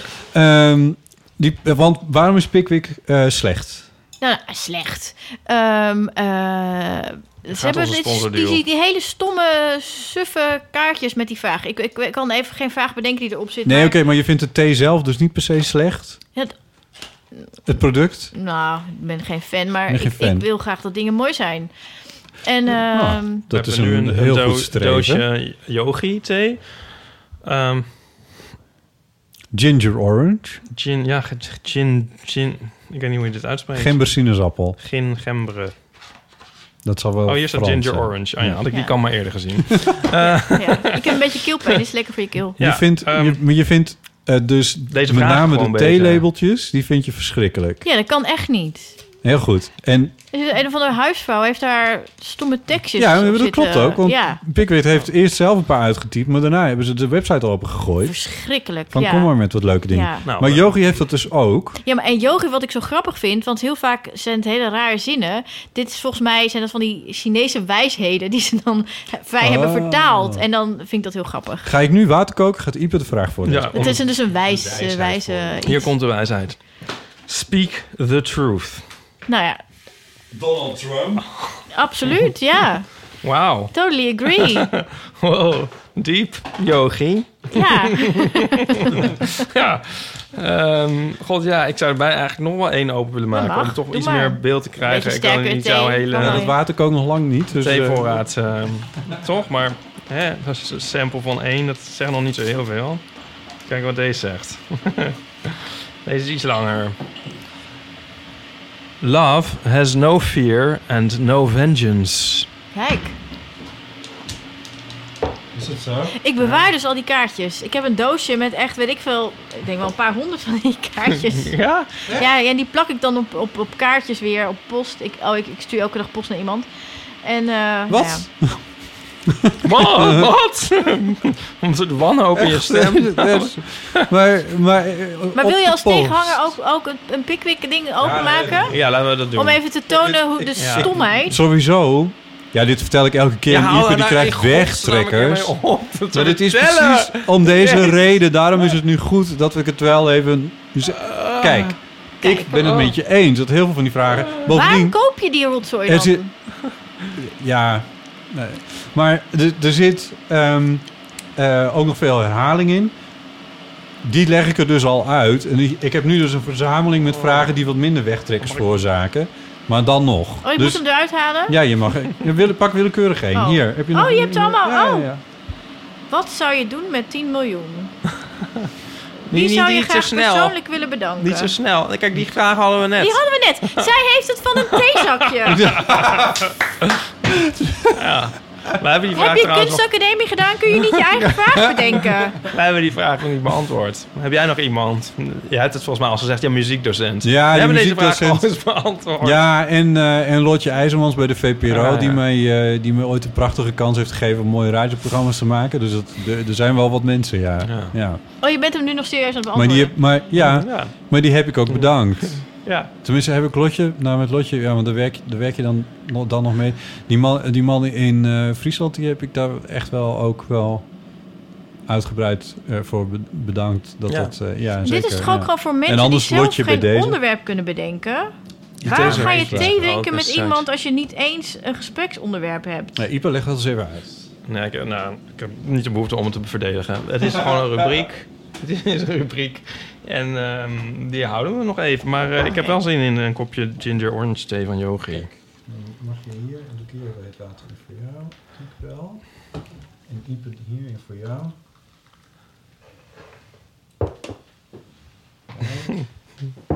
En dan heb je Dan neem ik Love as No Vengeance. Oké, dan doe ik Speak the Truth. Uh, maar dit is mijn kopje, Oh, sorry. Nu Oh, moet ja. jij de truth spreken. Ja, oké, dan Ja. is het truth. En, eh, en, Wil je dan ook een eigen zakje nou, hier? dat hoeft niet per se. Mag ook even in het kader van, eh, delen. In het kader van uh, Red de Aarde wil ik best een zakje met jullie delen hoor. Nou, dat vind ik helemaal niet. Ah, wat aardig. Oh, er staat ook nog iets op. Ja. Zal ik ook eentje voorlezen dan? Socialize with compassion, kindness and grace. Kijk. Maar hier krijg jij geen wegtrekkers van? Nee, dat vind ik wel mooi. Ah ja. Hmm. Er staat ook een code op. G88. Jezus. Nee, je Ehm, probeert Bij mij systemen... staat ook G88. Oh, dus, dus dat ik is denk niet... dat, eh, eh, een dat code zegt verder niks. Nee. Misschien is het de kleur. Well, anyway. Hey, we hebben nog een berichtje van eh, Hiske. Voor Oh, jou ook. Ja. Hallo, eh Botte, Ipe en Tinkerbell. Jullie spreken met Hiske. Ehm, ik bel met een vraag voor Tinkerbell. Ehm, en dat gaat hierom. Je doet in je kunstprojecten al, al heel lang allerlei onderzoeken naar zeg maar, de rare kronkels en de hypocrisie in onze eigen morele overtuigingen. Bijvoorbeeld eh, onze bijna schizofrene omgang met eh, landbouwdieren en huisdieren en eh, het wegkijken van vluchtelingenstromen en nog allerlei dingen meer. Een soort van blinde vlekken dus, waarvan we als samenleving en ook als individu meestal wel weten dat ze bestaan, maar waar we liever van wegkijken omdat het ons beter uitkomt of omdat het minder energie en eh, geld kost of simpelweg omdat het ons eigenlijk niet zoveel kan schelen. En ik denk dat we als mensen allemaal wel dat soort blinde vlekken hebben in onze overtuigingen van die dingen waar je wel een soort van, van weet eh, dat het misschien niet goed is, maar waar bij het praktische is er gewoon niet te veel over na te denken. Ik heb dat zelf bijvoorbeeld in eh, grote mate met de manier waarop dieren worden geëxploiteerd in, in eh, intensieve veehouderij.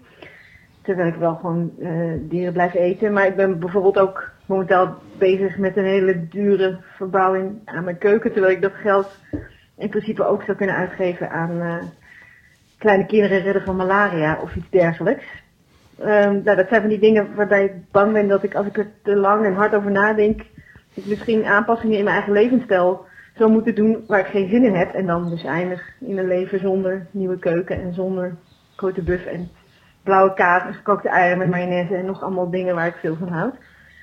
Nou, dit is mijn vraag aan jou, Tinkerbell, en eigenlijk ook aan Bot en Ipe.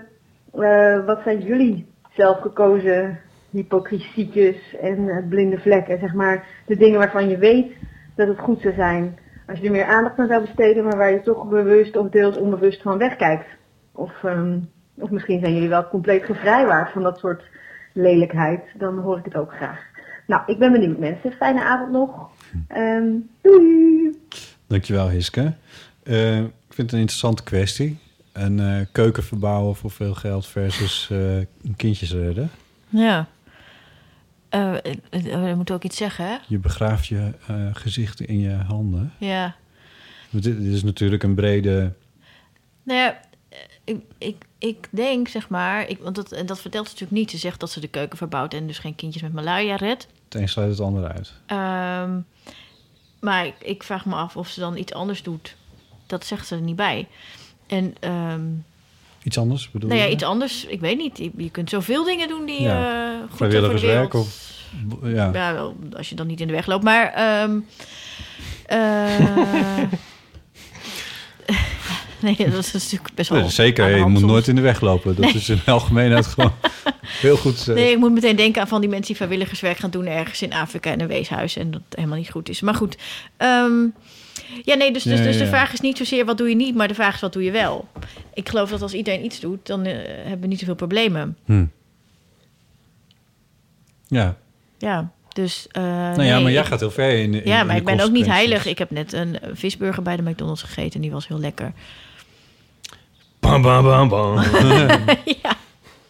Nee, ik ben, ik ben het wel met je eens. Je kan, je, je, als je wat kan doen, je hebt de kans om iets te doen, of te laten zelfs, Ja. dan is het, zou je dat op zijn minst kunnen overwegen.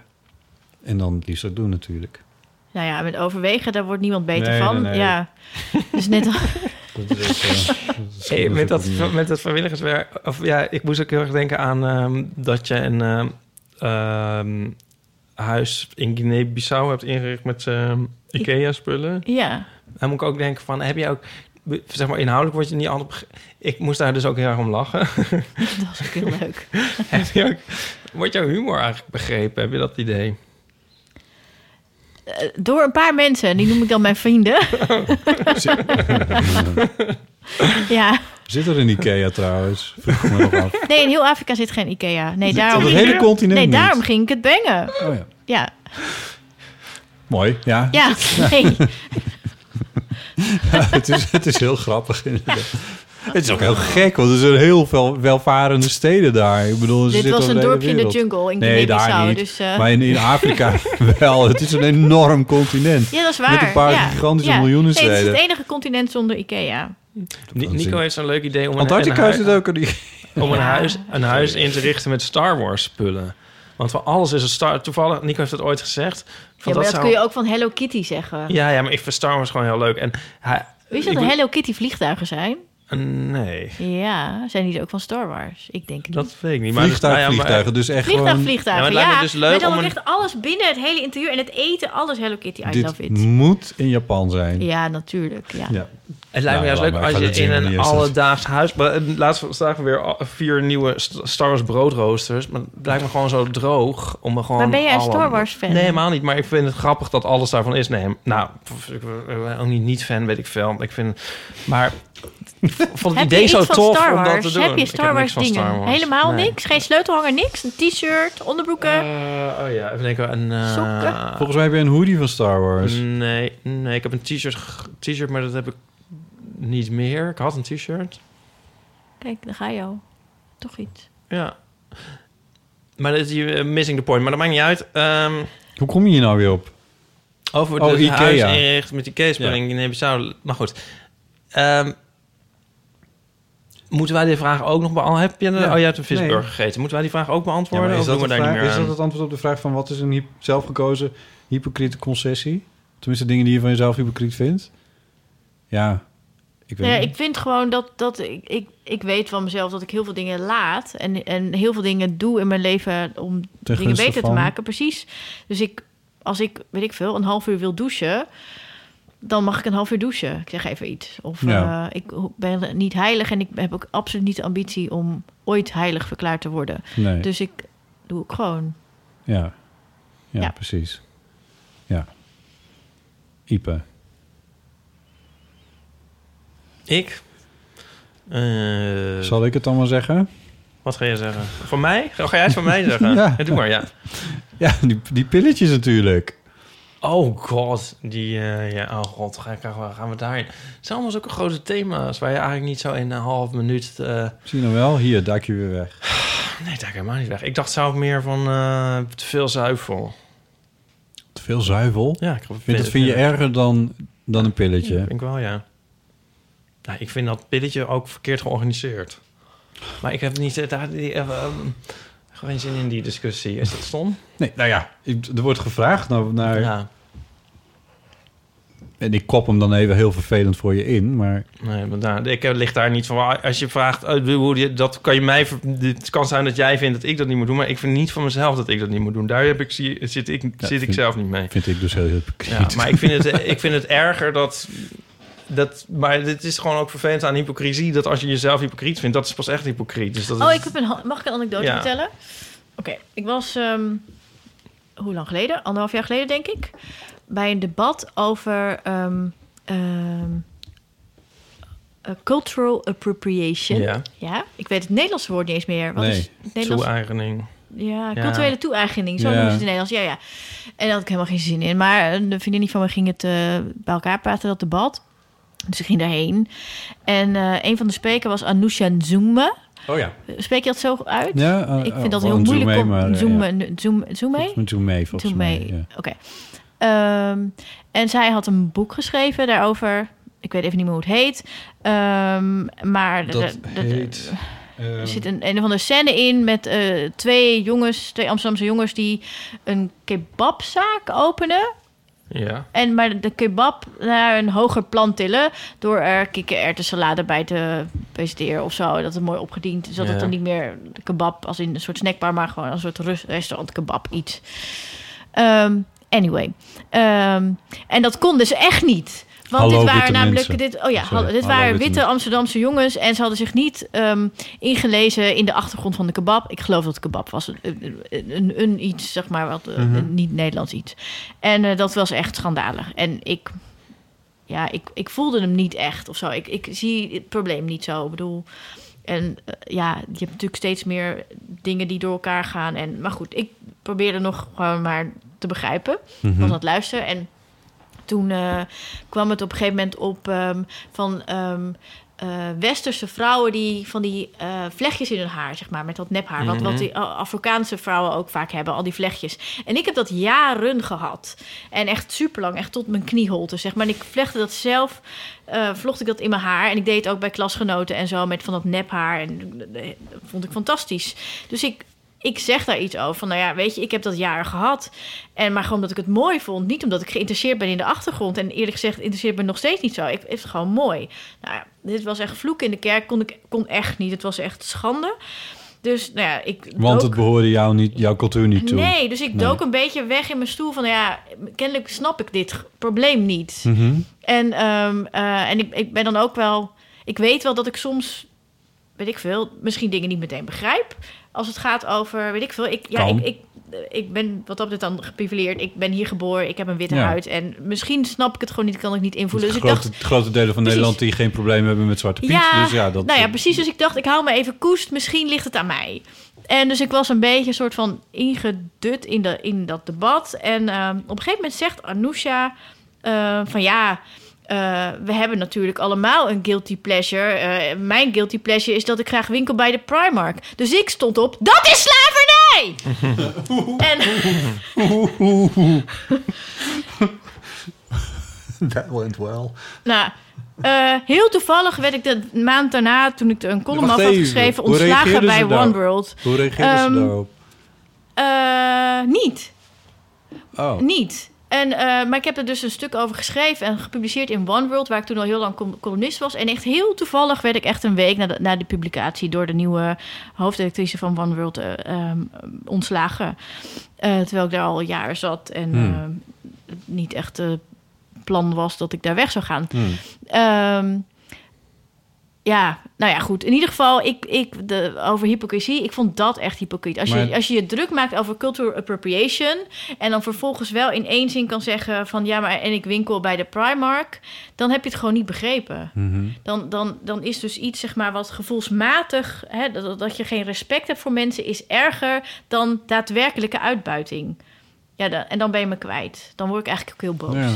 Dat, vind ik, dat vind ik echt het toppunt van hypocrisie. Ik snap je wel. Ja, ik weet ook dat ja. dit heel gevoelig ligt. Ja, ik weet het ook. Ja, maar Ja. Dit, dit was echt nu. Ik was hier echt heel boos. Ja. En eigenlijk nog steeds. Ja. Ja. ja. Ik moet denken aan een, aan, aan een Nederlands echtpaar... dat wij op de camping in Duitsland hebben ontmoet. of heb ik daar ook al over verteld? Nee, nee, nee, wel aan mij, maar... Ja. Ehm, maar dat, die, die, dat leken ons een soort...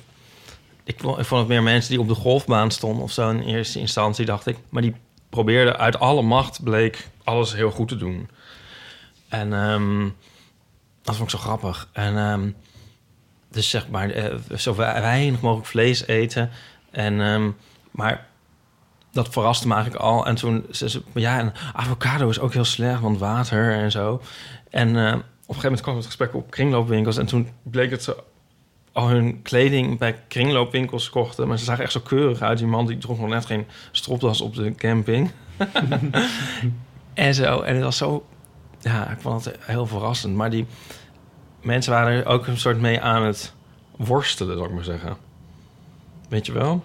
Ja, ja. Nou, ik vond het aandoenlijk en, en leuk. Die hadden alle mogelijke vormen van schaamte. Die hadden eigenlijk alle mogelijke vormen van schaamte. Maar ze zagen er hem... hem ja, je zag het. Ze gingen er niet onder gebukt, eh zou ik maar zeggen. Nee. Je zag het niet...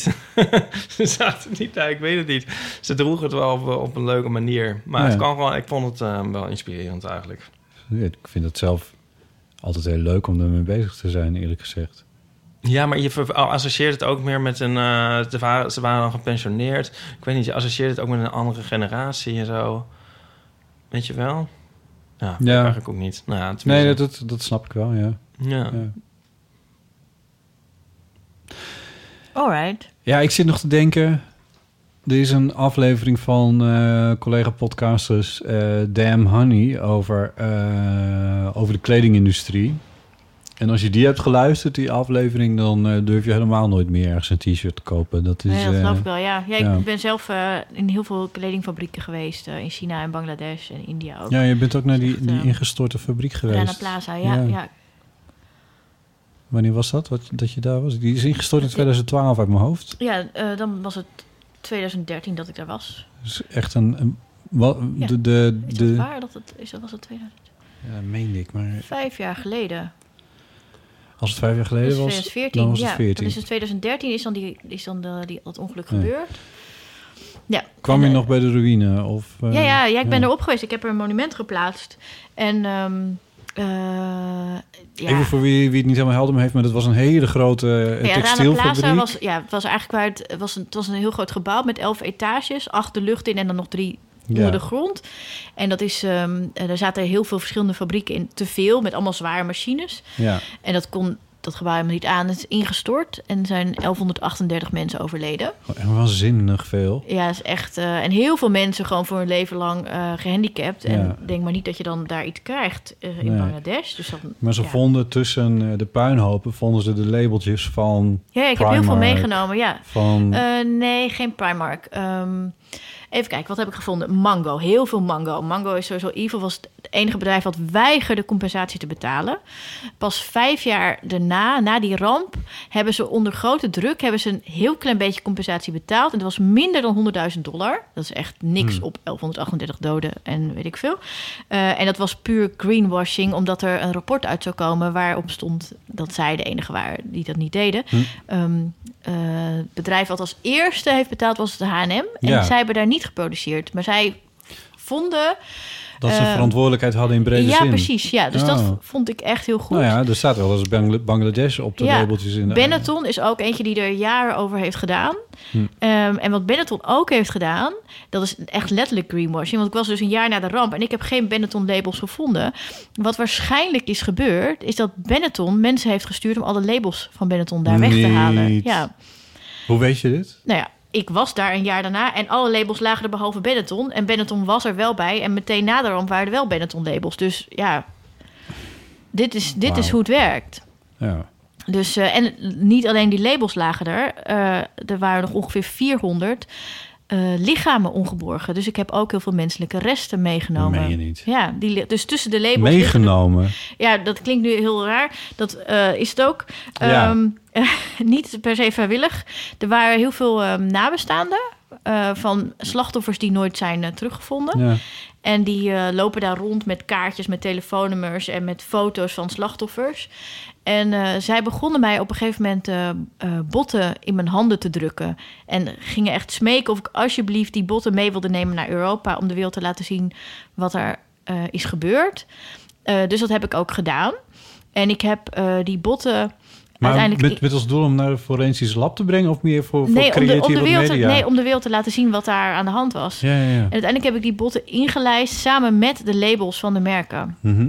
En ehm eh, nog wel eens een plan geweest om. eh, dus, eh, dat is echt heeft tot niets geleid. Er was iemand die wilde een, ehm, een soort actie opstarten. om geld bij elkaar te crowdfunden. om dat werk van mij te kopen. en om het cadeau te doen aan de CEO van ehm Mango. Mango. Ja, wat echt een goed idee is. Dus misschien moet het alsnog gebeuren. Dat, Je hebt het nog? Ik heb het nog, ja. Ja. ja. Oh, zo heftig. Ja, het is, het is, eh, echt ehm, heel bizar daar. Ja. Ja, Hoe komen we hier nou weer? Oh ja, kleding. kleding. Ja, Ja. de- heel naar, heel naar. Weet je, we gaan eventjes naar... eh, eh, het gaat altijd wel meteen over, eh, over eh, wezenlijke zaken. Ja, sorry, jongens. Nee, dat geeft niks. Dat vinden wij, vinden wij ook wel fijn. Tenminste, ik vind dat fijn. Ipe is al afgehaakt. Ehm, Ik raad we hadden- het draaiboek. We hadden, ja, we hadden een... we hadden een Nicolaas Veul te gast eh, in onze Wie is dat? podcast. Die heeft een, eh, dat is een documentairemaker, televisiemaker, programmamaker voor de VPRO onder andere. Zijn laatste productie was ehm, een productie oh, ehm, die heette Pisnicht the Movie, omdat hij een fitty had met eh, Joep van het Hek. Joep van het Hek had een column geschreven waarin hij een homo eh, beschreef als pisnicht. Eh, en eh, Nicolaas zei, "M- moet dat nou? En toen is Joep van Hek daar vol overheen gegaan van... ja, dat moet, want dat is humor en dat, dat moet leuk. En voor een homo als Nicolaas eh, is dat niet zo leuk om dat te horen. Zo'n woord, keer op keer, keer op keer. Nee. Dus daar heeft hij een documentaire over gemaakt. Dat die is uitgezonden met de Pride hier in Amsterdam in die periode. En daarvoor hadden wij hem nog een keer te gast om er eventjes over na te praten. Anyway, we zeiden tegen hem volgende week hebben we Tinkerbell. Heb je misschien ook een vraag aan haar? En toen zei hij ja. ehm, laten we even luisteren. Ik vraag me zo af, want zij heeft natuurlijk de, de, de zieke kat tot tas gemaakt. Ja. Ik vraag me af of ze zelf denkt dat ze, als, ze, als het een man was geweest, of het dan anders was geweest. En hij bedoelde, als jij een man was geweest, of het dan anders was geweest. Oh, zeker. Dus, dus even in, misschien in bredere zin, want die, die Ja. kat natuurlijk, maar in brede zin. Nee, van- maar in al mijn werk. Al mijn werk is, is dat, ik, dat ik een vrouw ben, eh, is, is onwijs eh, belangrijk. Want ik ben natuurlijk gewoon een, een hysterisch wijf dan. Hmm. Dus als je als man iets doet, dan, dan is het dus iets om serieus te nemen. En dan, oh, interessant, interessant. Als je als vrouw iets doet, dan eh, ben je gewoon hysterisch wijf. Aandachtswijf. En, en, en- en ken je voorbeelden van mannen die vergelijkbare dingen doen of deden als jij, die anders werden benaderd dan dat jij wordt benaderd? Ehm, ja, nou, vergelijkbaar. Nou ja, er, zijn niet, er zijn niet echt vergelijkbare kunstenaars, maar wel dat ik gewoon wel om me heen zie dat er. Ik ga even geen namen noemen, maar er zijn gewoon best wel wat mannelijke kunstenaars, ook in Nederland, die echt minder interessante dingen doen. Dit klinkt heel arrogant, maar ik, ik meen het eigenlijk uit het diepste van mijn hart. echt veel minder interessante dingen doen. Minder origineel, eh, minder ideeën, dingen jatten, letterlijk. Hmm. En toch veel makkelijker voor van alles nog wat worden gevraagd. Meer geld krijgen. Ehm, het is echt best wel ernstig. En ik heb heel lang ontkend dat dit zo was.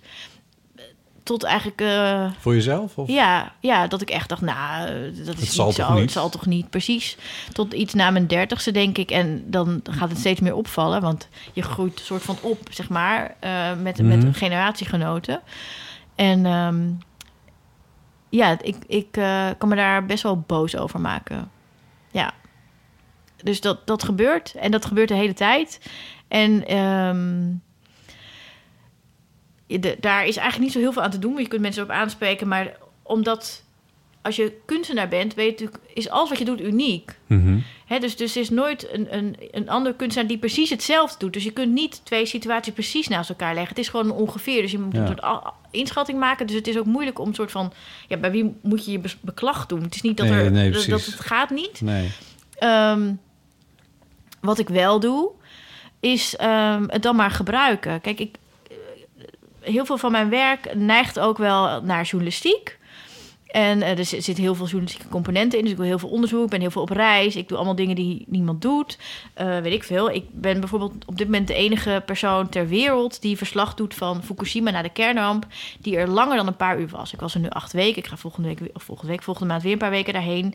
Hmm. En eh, ik ben echt de enige ter wereld. Dus ik, ik, ik ben expert op wat daar aan de hand is, sociologisch gezien. Mhm. Toch is het niet zo dat ik nou als expert word gezien of zo, want ik ben toch dat gekke wijf. Wat weet zij er nou van? Ehm, Hmm. Dat is heel raar. Maar waar ik, wat wel fijn is, is do- omdat ik dan toch word gezien als, als, als een meisje dat zomaar ergens komt binnenwandelen, denken mensen ook heel gauw van, oh, maar dat kan geen kwaad. Eh, waardoor ik op heel veel plekken binnen kan komen Aha. omdat mensen het, als onschuldig zien. Ja, en waardoor ja. ik dus veel makkelijker toegang krijg tot van alles en nog wat. Dus we hadden het net heel even over kledingfabrieken. Hè, wat, ik, wat ik zowel in Bangladesh als in India als in China heb gedaan. In best wel veel fabrieken, niet alleen kleding overigens. Is dat ik gewoon eh, bij fabrieken naar binnen ben gelopen... zonder überhaupt aan te bellen of me te melden of wat dan ook. En alsof ik een een of ander dom Ja. meisje was die het echt niet door had... met een draaiende camera en... Hi! en, niet en doen alsof ik niet begreep dat het niet de bedoeling was dat ik doorliep... en gewoon doorlopen. Ja. En eh, waardoor ik van alles heb gezien... wat, wat je normaal echt niet ziet. En eh, ik heb best wel, zeg maar... eh, ik, ik, ik kan goed aanvoelen of ik, of, hoe ver ik kan gaan. Dus, maar ook in, weet ik veel, als ik reis...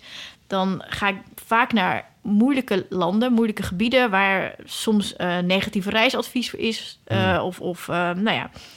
Ehm, en ik, ik kan heel goed vertrouwen op mijn gut feeling. Dus ik, ik, ik kan in mijn eentje door straatjes lopen op hoge hakken, lange jurken. En ehm, omdat het zo raar is dat een vrouw dat doet, dat er dus niks gebeurt. Dan kom je ermee weg. Dan kom je ermee Ineens. weg. En dus dat is ook een soort superpower. Ja. En ehm, nou ja, ik probeer daar maar op te focussen. Op wat, wat kan juist doordat ik een vrouw ben. Maar ja, Dat het vind ik is... eigenlijk wel slim inderdaad. Ja, het is niet zo best zoals je in eerste instantie vertelde. Maar de tweede dat is inderdaad een soort superpower. Ja, Die ja. ik nooit in zou kunnen zetten als man. Nee, nee. Dus, dat dus dat is dan maar, dat, dat gebruik ik dan maar. Ja, Ja, opvallend. Ja. Ehm, even kijken. Eh, we hebben ook nog wat andere berichten binnengekregen. Er was nog iemand die ik dacht van dat zou ook nog wel een interessante vraag kunnen zijn. Maar ik, ik laat hem even niet horen. Maar dat waren mensen die nog reageerden. Een mevrouw die reageerde bij onze uitzending die we in Groningen maakten. Die eh, een bericht insprak over een balans zoeken tussen een comfortabel leven en eh, rekening houden met het milieu. Maar ik denk eigenlijk dat we daar ook al een wel uitgebreid... eh, Zit je nou te gapen? Vind je het niet interessant? ja, Dat is dit, heel is- dat interessant. doet hij de hele tijd, ja. Ehm, dit is een beetje wat, waar we het... eh, precies, waar Hiske het ook al over had. Waar we het, eh, waar we het, dus die beschouw ik als behandeld. Verder hebben we nog iemand die je volgens mij heel goed kent... maar die spreekt niet een bericht speciaal voor jou in. Maar Ipe, kun jij het even inleiden over hoe het zit... met beroemde mensen die werk maken over hun beroemd zijn? Ja, zit het niet gewoon al in de vraag? Dat weet ik eigenlijk niet zo goed. Gaan we, doe, doe krijgen maar de we een vraag. fragment? We krijgen een fragment, komt ie. Hallo, Botte, Ipe en misschien wel een gast. Denk wel.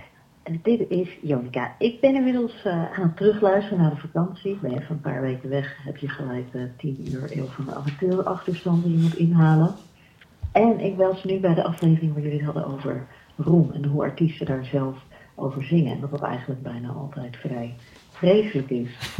en ik moest erbij heel erg denken aan uh, Pulp, waar ik heel erg fan van was altijd. En nog steeds wel. En die braken toch vooral door met het nummer Common People. Over hoe het is om arm te zijn en het moeilijk te hebben. En eigenlijk ging een hele oeuvre erover hoe het is om een mislukkeling te zijn aan de onderkant van de samenleving. En eh, ja, dat bleek wel een probleem toen ze een album moesten maken nadat ze rijk en beroemd en geliefd waren. En ik denk eigenlijk dat heel veel artiesten hebben, niet alleen ehm, eh, bands, maar ook schrijvers. Je ziet ook vaak auteurs die dan een heel goed debuut hebben en dat dan vervolgens een tweede boek gaat over een schrijver die een succesvol debuut had en dat daarna niks meer weet. Uh, kennen jullie in dat genre misschien een voorbeeld wat wel goed is? Jullie vroegen ook nog of we ook specifieke liedjes kennen die hierover gaan. En volgens mij de allerbeste in dit genre is van de eigen Nederlandse Armand. En dat heet uh, Comeback. is van een paar jaar terug toen hij met de Kick een cd maakte. En het begint al zo goed. Hij zegt dan, in zoals ik bekend, daarna een tijdje niks. En toen was ik er zomaar weer. Al had ik er niet eens iets voor gedaan. Het overkwam zomaar, want voor de carrière voel ik niks. Ik kan niet tegen die sfeer. Het simpele leven, daar komt het op aan. En vervolgens zingt hij over, ja, als je bekend wordt, dan word je een symbool. Ehm, terwijl hij zelf dat allemaal niet zo wil. Hij doet gewoon zijn best en hij maakt mooie liedjes. En het maakt hem niet zoveel uit of dat nou gewoon voor zijn vrienden is of voor heel veel mensen. En toen dacht ik, ja, als je zo naar Roek kan kijken, ehm, volgens mij heb je het dan wel goed begrepen. Hou, je er eigenlijk ook van, Armand, of vinden jullie dat helemaal niks? Nou, ik hoor het allemaal wel en ik ga heel snel verder luisteren. En uh, tot ziens. Dag! Dag. Jonica, Jonica Smeets was dat. Ik hoorde het, ja. ja. Ehm, wil je wat zeggen? Ehm, eh, eh, bekend zijn, dat is best wel Ja. kut. Ja. Best wel kut. Jonica citeerde dan Arma. Als je, beroem, als je bekend wordt, word je een symbool. Ja. Nee, ik ben natuurlijk niet super beroemd. Ik ben een, een beetje bekend. Ehm, ik word, als ik, ik kom niet elke dag buiten, maar als ik buiten kom, word ik elke dag wel door één of een paar mensen herkend. Althans, mensen die het dan, dan zeggen. Dus ik ga ervan uit dat niet iedereen zal het zeggen. Ehm, ik vind dat heel ongemakkelijk. Ehm, bijvoorbeeld als ik naar de bakker ga en ik ga brood kopen en ik ben nog in mijn pyjama, dat gebeurt. Soms heb ik geen zin om aan te dan loop ik gewoon naar de bakker. En iemand vraagt, eh, of iemand zegt van... Oh, je bent Tinkerbell, ik vind het fantastisch. Dat is natuurlijk heel aardig. Maar het is super kut. Want iemand dwingt mij om aardig terug te zijn. Ja. En, en, en, en ehm, ik wil alleen maar brood halen. En Ja. ik ben in mijn pyjama, het is ongemakkelijk. Ik, Ja. ik laat me even. en dus, ik- dus ik word een soort van... eh, dat, dat voel ik dan. Dan voel ik dat ik vriendelijk terug moet zijn en even geïnteresseerd. En dat, dat wil ik ook wel, echt. Alleen, ik ben in mijn pyjama en ik wil alleen maar brood halen. Ja. Dus ik wil, ik wil zeg maar iets teruggeven, maar ik heb er eigenlijk helemaal geen ruimte voor. Nee. En dat is gewoon best wel vervelend. En dat gebeurt best wel vaak. Niet per se alleen bij de bakker, maar gewoon overal. En ehm, het, het, wat ook gebeurt bijvoorbeeld in het openbaar vervoer... als je wordt aangesproken. Dan als iemand zegt van... oh, je bent Tinkerbell. Dan zijn er altijd mensen daaromheen die dat ook horen. En die gaan dan ineens zeggen... Die gaan naar je kijken. Even en, googelen. En misschien wisten ze nog helemaal niet wie ik was. Maar ineens heb je een soort van de aandacht van een Ja, hele treincoupé. Dat ik helemaal niet wil. Ik wil gewoon een boek lezen. Ja. En ehm, dus het, Zet je dan niet gewoon een zwarte zonnebril op in plaats van die bekende roze? nou ja, ik heb wel dingen geprobeerd, maar het werkt niet zo. En ehm, dat is wel, eh, dat, dat is best wel lastig. En ook zeg maar, wat, wat soms gebeurt is als je nieuwe mensen ontmoet ergens. En die andere persoon die weet al wie jij bent. En die gaat dan, dat krijg je eens van op van, oh, dat project wat je toen deed vind ik echt fantastisch. Dat is heel leuk. Maar ik weet niet wie jij bent. En dan daarmee is het ongelijk. Oh ja. En dan haak ik echt af. Dus ik loop best wel vaak bij nieuwe ontmoetingen. Moet ik ineens naar de wc en kom ik niet meer terug. En dat is dat. ja. Maar, en waar dit ook over ging, is dat Roem ook invloed heeft op het werk zelf, zeg maar. Is dat bij jou ook aan de hand? Ja, eh, heeft dat ook invloed op het werk? Ik ben natuurlijk zelf, zeg maar, ik heb een rol in mijn eigen werk. Dus, dus het is niet zo dat, dat ik projecten heb, zeg maar, waarbij alleen maar aandacht is voor een, een soort van kunstwerk dat losstaat van mij. Want ik ben altijd onderdeel daarvan. Ja. Dus, en ik wil natuurlijk dat er aandacht is voor de dingen die ik doe, want daarom doe ik ze. Maar ik wil niet per se zelf heel Nee. erg in de publiciteit of zo. Eh, maar ja, dat is nou eenmaal, dat hoort, dat, dat, is, dat, dat is niet los van elkaar te zien. Hmm. Je, je moet onderhand een eh, alter ego hebben. Maar soort- Tinkerbell was mijn alter ego. Ja, maar je hebt een... en dan zou ik hem ook meteen mannelijk maken als ik jou was. Oh ja. Een soort eh Banksy-achtige eh, toestand. Ja. En dan... Zo, ik vrees dat het daar wel een beetje laat voor is. Je bent nog jong. Ja, dank je. Ja. Dan kun je AB'en. Van Hmm. wat, wat als ik dit project als, eh, als vrouw uitvoer? Wat als ik het project als man uitvoer? En dan kun je, kun je je per personage uit, uit je werk... Ja, nee, dat, dat werkt dan Nee, dus weer nee, niet. Nee, nee. ik denk niet dat het... ehm, Nee, dat is- nee, nee. ik denk maar dat me erbij neer moet leggen. Maar wat Maar wel je hebt nu de andere positie, zeg maar, dan toen je begon natuurlijk. Ja, nee, het heeft ook wel voordelen. Want ik ben nu wel de laatste jaar best wel veel dingen aan het doen die zijn vrij, zeg maar, politiek. Dus ik, ik moet vaak samenwerken, of samenwerken, ik heb veel contact met politici en zo. En, ehm, of mensen op ministeries of andere overheidsdiensten. En ik merk gewoon dat als ik nu een politicus of politica bel die ik nog niet eerder heb ontmoet. Dat gaat dan hè, via een, een, een, een, eh, assistent. eh, hè, Ja, precies. eh, als ik dan mijn naam doe, dan- oh ja, en ik, ik kan alles afspreken. Dus het is toch nooit gebeurd dat, het, dat ik Dat dan niet voordeel. een afspraak kan maken. En nu is de Nederlandse politiek wel heel erg benaderbaar en kan iedereen bellen. Maar ja, ik, maar je komt niet overal binnen, hoor.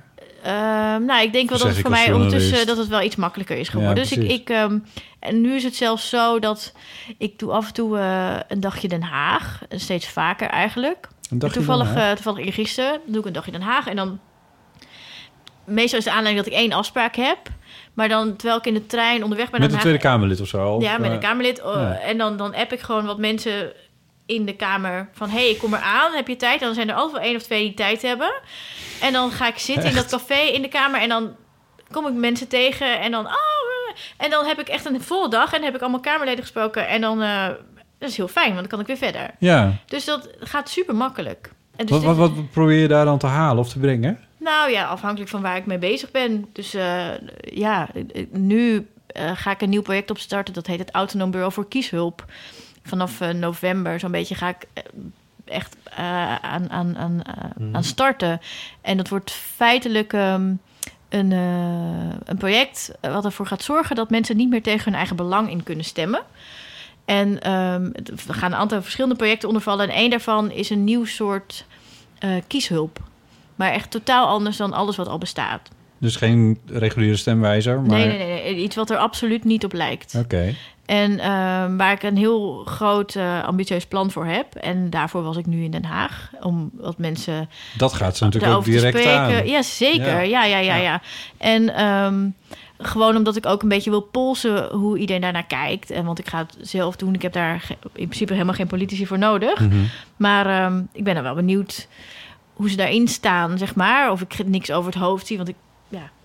Ehm, dus, En je bent ehm, je research aan het doen. ik ben mijn research aan het doen, ja, precies. Dus dat, ja, daarom. Is er ook nog is er ook een gevaar dat jij een soort te veel eh, een soort household name wordt eigenlijk? Of dat mensen je wel dat zo dat mensen je te veel gaan begrijpen? Te veel Mm. mensen het Ja, dat is wel iets waar ik over nadenk. Ehm, ik, nou ja, misschien op bepaalde onderwerpen. Maar en dan ga ik weer verder. Dus Ja. er zijn best wel veel errors op allerlei verschillende onderwerpen. Dus ik ben nog voorlopig niet klaar. Nee, maar die verwarring en zo die je zei, dat is misschien na een tijdje dan ook uitgevoerd. Als, want als jij nu een onderwerp pakt, dan mensen die jou al soort kennen en doorhebben, zou ik maar zeggen, doorhebben, maar begrijpen, die zullen dan denken van, oh, Nou, wat er eigenlijk wat er nu aan de hand is, maar dat is wel echt bij een, een soort van selectieve groep. Dus dat zijn bijvoorbeeld een aantal politici, eh, best een, een groep eh, journalisten of mensen op redacties van weet ik het van alles en nog wat. Die weten wel dat als ik op een onderwerp duik, dan doe ik dat niet zomaar. Dan is er iets aan de hand. Mhm. Dus, dus, dus bepaalde mensen weten wel dat als ik ergens mee kom, dat je me serieus moet nemen. Dat ik niet zomaar wat roep. En dat was natuurlijk, weet ik wel, ik doe mijn werk nu ruim 20 jaar. Ehm, tien jaar geleden was het echt nog anders. Vijftien jaar geleden was ik helemaal gewoon, weet ik veel, dat meisje van 25. ja, maar ik bedoel, die ook maar, iets maar is dat fijn of gedijde je daar juist op? Of is het fijn dat dat nu makkelijker dan is? Ehm, nou, mijn werk is ook wel echt gegroeid. Dus, dus, dus mijn werk is ook echt wel anders dan 15 jaar geleden. Dus nu, dus mijn, mijn werk gaat mee op die flow. Dus Ja. het is meer dat als de, hè, als de context verandert, dan verandert mijn werk ook. Dus het is niet erg, zeg maar, het Je gedijt. mist, mist niet die tijd. Nee, het is, nee, het is gewoon anders. En het is, de, de dingen die ik doe zijn ook gewoon wel echt complexer dan toen. Ja. Laten we gaan naar eh, een rubriek die erg belangrijk aan het worden is in eh, onze podcast. Oh, oh, ik neem het gaat thee, ja? al de hele avond over dieren. Dus ontkomen dan ook deze keer zeker niet aan onze rubriek. Egel. Want je moet weten dat eh Ipe Dries eh, namelijk de officiële Nederlandse ambassadeur is van de Nederlandse Egel, Egelwerkgroep. Waarom spreek ik dat nooit goed uit? Nee, het is altijd weer een drama. Ambassadeur Ipe Driessen van de Egelwerkgroep Nederland. Dank u wel. Ja, Eh Ipe, eh, je hebt natuurlijk weer eh, duizend verhalen meegenomen. Ehm, Ehm, eh, w- hoe, eh, ik snap deze rubriek niet. Gaan we eerst luisteren naar, naar een, een berichtje wat op de, op de eeuwfoon is ingesproken? Of, of heb je een actuele stand van zaken aangaande de egels? Het is natuurlijk het seizoen. Het is het seizoen. Oh, leuk, oh, leuk, oh, leuk. Ja. ja. Ehm, nou, hebben we een bericht? Heb je een bericht? Ik, een ik heb een bericht eh, van, eh, van Ralf, ja? Oh, dat ik even weer. Oh, dat staat hier. Nu ik het zeg, nu het zegt, zie ik het in het draaiboek. Eén keer geef ik je een draaiboek. nou ja, ik, had, ik dacht, ik lees eerst even dit voor. Zal ik eerst dat verhaal voorlezen? Dat ligt al een hele tijd. Ja.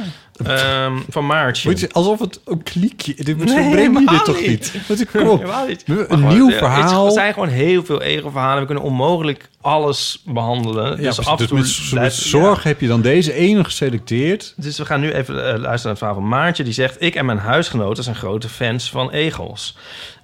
En ook van andere dieren die soortgelijke lieve snuitjes hebben. Vooral possums. Ook houden we ervan om samen bier te drinken en te blowen. Met die dieren. ja. En vervolgens onder invloed naar egelfilmpjes op YouTube te kijken. Leuk, hè? Terwijl we praten over hoe geweldig egels zijn. Een dergelijke avond hadden we drie weken geleden. Dat zal dan nu eh, een week of vijf geleden zijn. Nou, zeg het nou niet. Nou, maakt toch niet uit? Nadat we stoned twee uur lang egelfilmpjes hadden gekeken... het is toch geweldig dat mensen dat doen. Stoned naar egelfilmpjes kijken. Ging ik naar bed. Concept. En mijn huisgenoot ging nog even buiten zitten. Wat hij vervolgens zag... overtrof zijn stoutste verwachtingen. Twee egels waren midden in onze tuin de liefde aan het bedrijven. Ze deden dit heel gepassioneerd en met mooie geluidjes... zoals die ook te horen zijn in de egel-jingle die Botten heeft gemaakt. Sterker nog, Dat, gepuf. Dat, zijn dat niet die geluidjes? Wat? Heb je, of heb je die van YouTube ook, die geluidjes? die, die komen uit een eh, geluidenarchief. Die komen uit een geluidenarchief. Ja. Nou, stel je voor dat je stoned bent en net een hele avond over egels hebt gepraat... en vervolgens twee parende egels ziet. Hij was euforisch, die huisgenoot dus, en in shock... maar wist ze nog wel te filmen, zie bijlagen. Hij ziet Oh. dit moment als een van de meest bijzondere in zijn leven. Ik heb dat filmpje gezien. Ja, nee, dat komen zo. Oh. Nu hopen we heel erg dat de vrouwtjesegel onze tuin een geschikte plek vindt om te bevallen. Oh shit, dat ben ik ook vergeten. Oh, heb jij nog tips met, heb jij nog tips met betrekking tot het baby-egel vriend, baby-egel vriendelijk maken van een tuin? Heel goed, ja. Ja, ik moet ik even opzoeken. Eh, ja, dat heb ik. Oh, ja, bladeren ligt er al een neerleggen. tijdje. Ja, die redden Ja. zich wel. Gewoon alles wat voor. Dankjewel. En succes met het ego-ambassadeurschap. De egels rekenen op je. Want lief, eh, Maartje. Nou, zet vooral allemaal schoteltjes met melk neer. Nee. Nou, dat weet iedereen inmiddels wel. Ehm, dat filmpje heb ik eh, gezien. En jij dus ook. Ja, dat is echt een fantastisch filmpje. Ja en eh, nee. heb ik natuurlijk... Huh? Ja en nee, want Hoezo hij, ja staat en nee? met de- hij heeft de lamp op zijn, op zijn camera of telefoon aangezet om dat te filmen. Dus? Nou ja, dat is toch heel verstorend. voor- Ik bedoel... Nee, ze gaan toch vrolijk door? Het is toch helemaal niks aan de hand? Het is dan een heel lang filmpje. Ehm zij trekken zich er niks van aan, die egels. Die hebben wel meer aan hun hoofd. En eh, het is heel leuk. En het is een best wel uniek filmpje. Ik had het natuurlijk doorgestuurd naar... Ik vond ze wel een beetje prikkelbaar, om eerlijk te zijn. Oh. Ah. Naar mijn vrienden van de Egelwerkgroep. En die waren onwijs enthousiast. En eh Merel van de Egelwerkgroep... Die zei, ah, het is echt heel uniek, want zo Oh. vaak zie je dat niet zo goed in beeld gebracht... dat egeltjes het doen. Oh. Ja. Ah. Dus het is echt een heel mooi filmpje. Ze hebben het ook gedeeld. M- Meanwhile herinner ik mij dat, dat heb je vast al verteld, maar dat jullie in Duitsland op vakantie waren Ja. en langs een heg riepen. Ja. En ook twee. Ja, maar die waren zeg maar nog meer eh, in de verkennende fase. En deze egeltjes zitten echt op elkaar. En dat eh, is toch wel apart. Ehm ja, dat filmpje kunnen we dat ook op... Dat kan ik ook wel ergens delen, Jawel, dat kun je gewoon op eeuwvanamateur.nl zetten. Ja, in de show notes. Ehm, Ja, het is wel uniek dat je ze daadwerkelijk de daad ziet doen. Dat zegt, eh zegt Merel. En eh Merel is jouw grote... Oh ja, dat is waar. Merel is een grote, grote vraag, vraagbaak. Ja, Ehm, en de tips om de, eh, de tuin baby-egel vriendelijk te maken. Ehm, Heb je dat nu gegoogeld terwijl... Nee, maar we hebben dat al. En daar hebben we even overleg over gehad binnen de werkgroep. En ehm, ik kan hierover het volgende zeggen. Ja. Egelvrouwtjes zijn niet erg kieskeurig. Soms bevallen ze onder een struikje op de grond. Maar het liefst bevallen ze natuurlijk wel op een rustig plekje met veel beschutting. Struikjes, veel ondergroei, tuinafval waarvan ze een nest kunnen bouwen. Of eventueel een egelhuisje. Een egelhuisje? Ja. Dat is het egelvariantje van een vogelhuisje. Oh, botten, hoe raad je dat zo? Nee, ja. Ik ken dit niet. Nee, ik ook eigenlijk eerlijk gezegd niet. Oké. Nee, maar eh, het is ook dus niet echt nodig, want nou ja, hè, eh, Een hoopje bladeren tuin doet het eigenlijk ook al. ja. Dus je hoeft eigenlijk niks Ja. te doen. Nee, en eh, ja, geen garanties. Zeggen we er ook nog even bij. Nee, ja, nee, natuurlijk. Ja, nee, daar zou je niet de verantwoordelijkheid voor kunnen nemen. Dat, Nee. dat snapt een kind. Ja. Ja, mooi. Ja? Ja. ja. Ja. Nou, wat een succes weer, hè? Leuk, hè? Ja. Ehm, nou, stoned dus, dat is ook nog een tip. Stoned naar een egel filmpjes op YouTube kijken. Nou ja, jij hebt dus nog een verhaal klaarstaan van Ralf. Zullen we die ook, maar we zijn al gaan we die hele- ook luisteren? Zullen we dat volgende keer doen? Nou, we, zijn al zo, we zijn al behoorlijk aan het eh, bezig. Ja, oh, wil ik nog wel één ding zeggen? Dat, eh, wat, nee, wat is nu de datum? De datum van vandaag is 5 september. Oh, daar komen we nog wel een keer uit. Nou ja, het Egel Weekend komt er dus aan op 14 en 15 september. En dan kan je egels tellen. Ja. Maar daar kan ik volgende keer wel over vertellen. En dan zitten we er dichter op. Maar schrijf het alvast in je agenda. 14, 15 september, Egel Weekend. Joe. Ja, egels eten wel slakken. Dat vind ik dus jammer. Want ik vind slakken dus ook heel leuke dieren. Ja, ik heb kip in de tuin, die eten alle slakken. Dat vind ik ook niet leuk. Ik ging gisteren, Nee. toen ik mijn fiets achter in een, door een donker steegje wegzette... ging ik op een naaktslak staan. Met een schoen is dat even goor als zonder... Wat zielig. Ja, ik, ja, ik heb dan ook heel andere, meer een Ja, ik emotie heb een van dat is toch zielig, ja. Nou ja, ik vind niet dat ze op dat pad moeten gaan zitten, maar het, het was ook heel donker. Maar ik vind slakken met huisjes leuk. Ik kon er niks aan doen, bedoel ik. Nee, Slakken met huisjes kan leuk. gebeuren, dat snappen we ook wel. Ja. Ja. Nou. Oh. Oké, dat, dat was hem voor deze keer? Dat was het voor deze keer. Oké, heel goed. Dan nog, wat verder ter tafel komt, is eh, het geborduurde theezakje. Oh, ja, dat was eh, wel van Anne, maar niet van de Anne van wie we dachten dat het was. Ja, weet je nou al van welke Anne het wel Nee, dat was? weet ik niet. Oh, nou, lekker geresearched. Ja, Ehm, hoe moet ik dat weten als wij een theezakje opgestuurd krijgen van Anne? Hoe moet ik dan weten van wie het is? ja, jij had een envelop in je hand. Die heb ik niet meer. Maar daar stond dat toch niet op, anders had ik, toch wel had ik het wel Oh, geweten. Ja, zover ben ik ook nog wel. Kan de geborduurde theezakjes Anne zich even bekendmaken via... Ja, dat hoeft helemaal niet. Gewoon Anne is toch ook prima? Ja, we hoeven toch ook niet ja, de bloedgroep te weten en eh, weet ik wel wat allemaal. Nee, ik vond het waar. superleuk dat zij dat gestuurd Je hebt had. gelijk ook. Verder heb je nog een boek uit. Oh ja. Oh. nou, Ik heb een boek uit. Ja, ik zie Tinkerbell heel verveeld kijken. Ja, eh, ik pak het er nu bij als we... jij, jij kan het zien. Alsof de luisteraar het kan zien. Het heet een buitenkansje voor doe-het-zelvers. Het is echt superleuk. een bundeling van je fotostrips van afgelopen Ja, jaar. Ja. en jij staat er ook in. Ik sta er ook een paar keer in. Ge- gefocust rond eh, de aankoop van een huis Ja, dus zoek- het zoeken naar vooral eigenlijk. in de hoofdstad. Het kopen en verbouwen en vervolgens ook nog zelfs bewonen. Ja. Alsof het niks is. En ehm, Ga naar fotostrips.nl slash winkel. ja, Hm. En dan kan je het kopen en dan signeer ik het en dan stuur ik het naar je op. Ja. En ehm, Het is superleuk. Zeg maar Ja, precies. oh. Ja, zeg iets wervends. zeg iets zelfs. En ik Ja. ben nu ik ben even afgeleid. Sorry, ik ben even aan het kijken. Ik zie allemaal mensen die ik ken, dat is leuk. Hm. Oh ja. Eh, ja? Ja. Oh ja. Wie dan? Ja, Jonica zit er ook Gijs in. en Jonica. Oh ja, Gijs, Gijs, Gijs en Aaf staan er ook in, ja. Ehm, nee, ja, het is, dit is mijn leukste boekje tot nu toe. Maar dat zeg ik van elk boekje. Maar het is ook denk ik wel zo dat elk volgende boekje leuker wordt.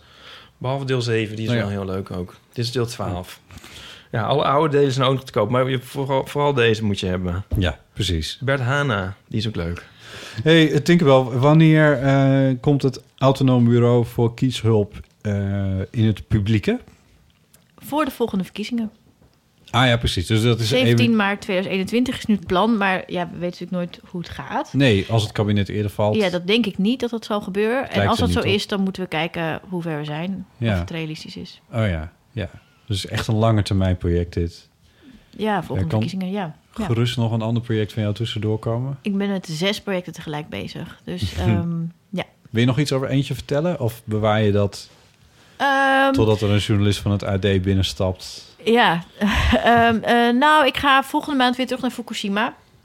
Eh, daar ben ik dus al heel vaak geweest. Het wordt de zesde keer dat ik daarheen ga. Het gebied waar de kernreactor is ontploft. Precies. Ja. Ehm, en ehm, wat, wat ik daar ga doen is...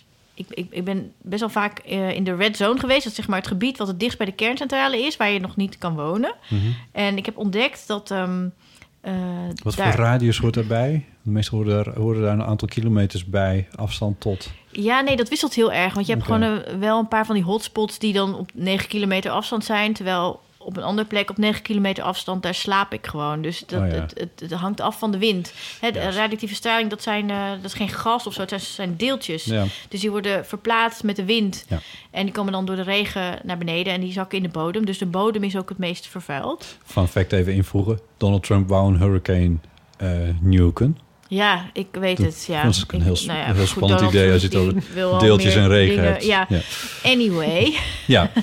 Ehm, dus de bodem is het meest vervuild. En ik heb ontdekt dat eh, eh, onder de bovenste bodemlaag, onder een rijstveld, vlakbij die kerncentrale, eh, zit veel klei in de bodem. En ik heb een deel al opgegraven. En ik ga. ehm, Wat doe je daarmee?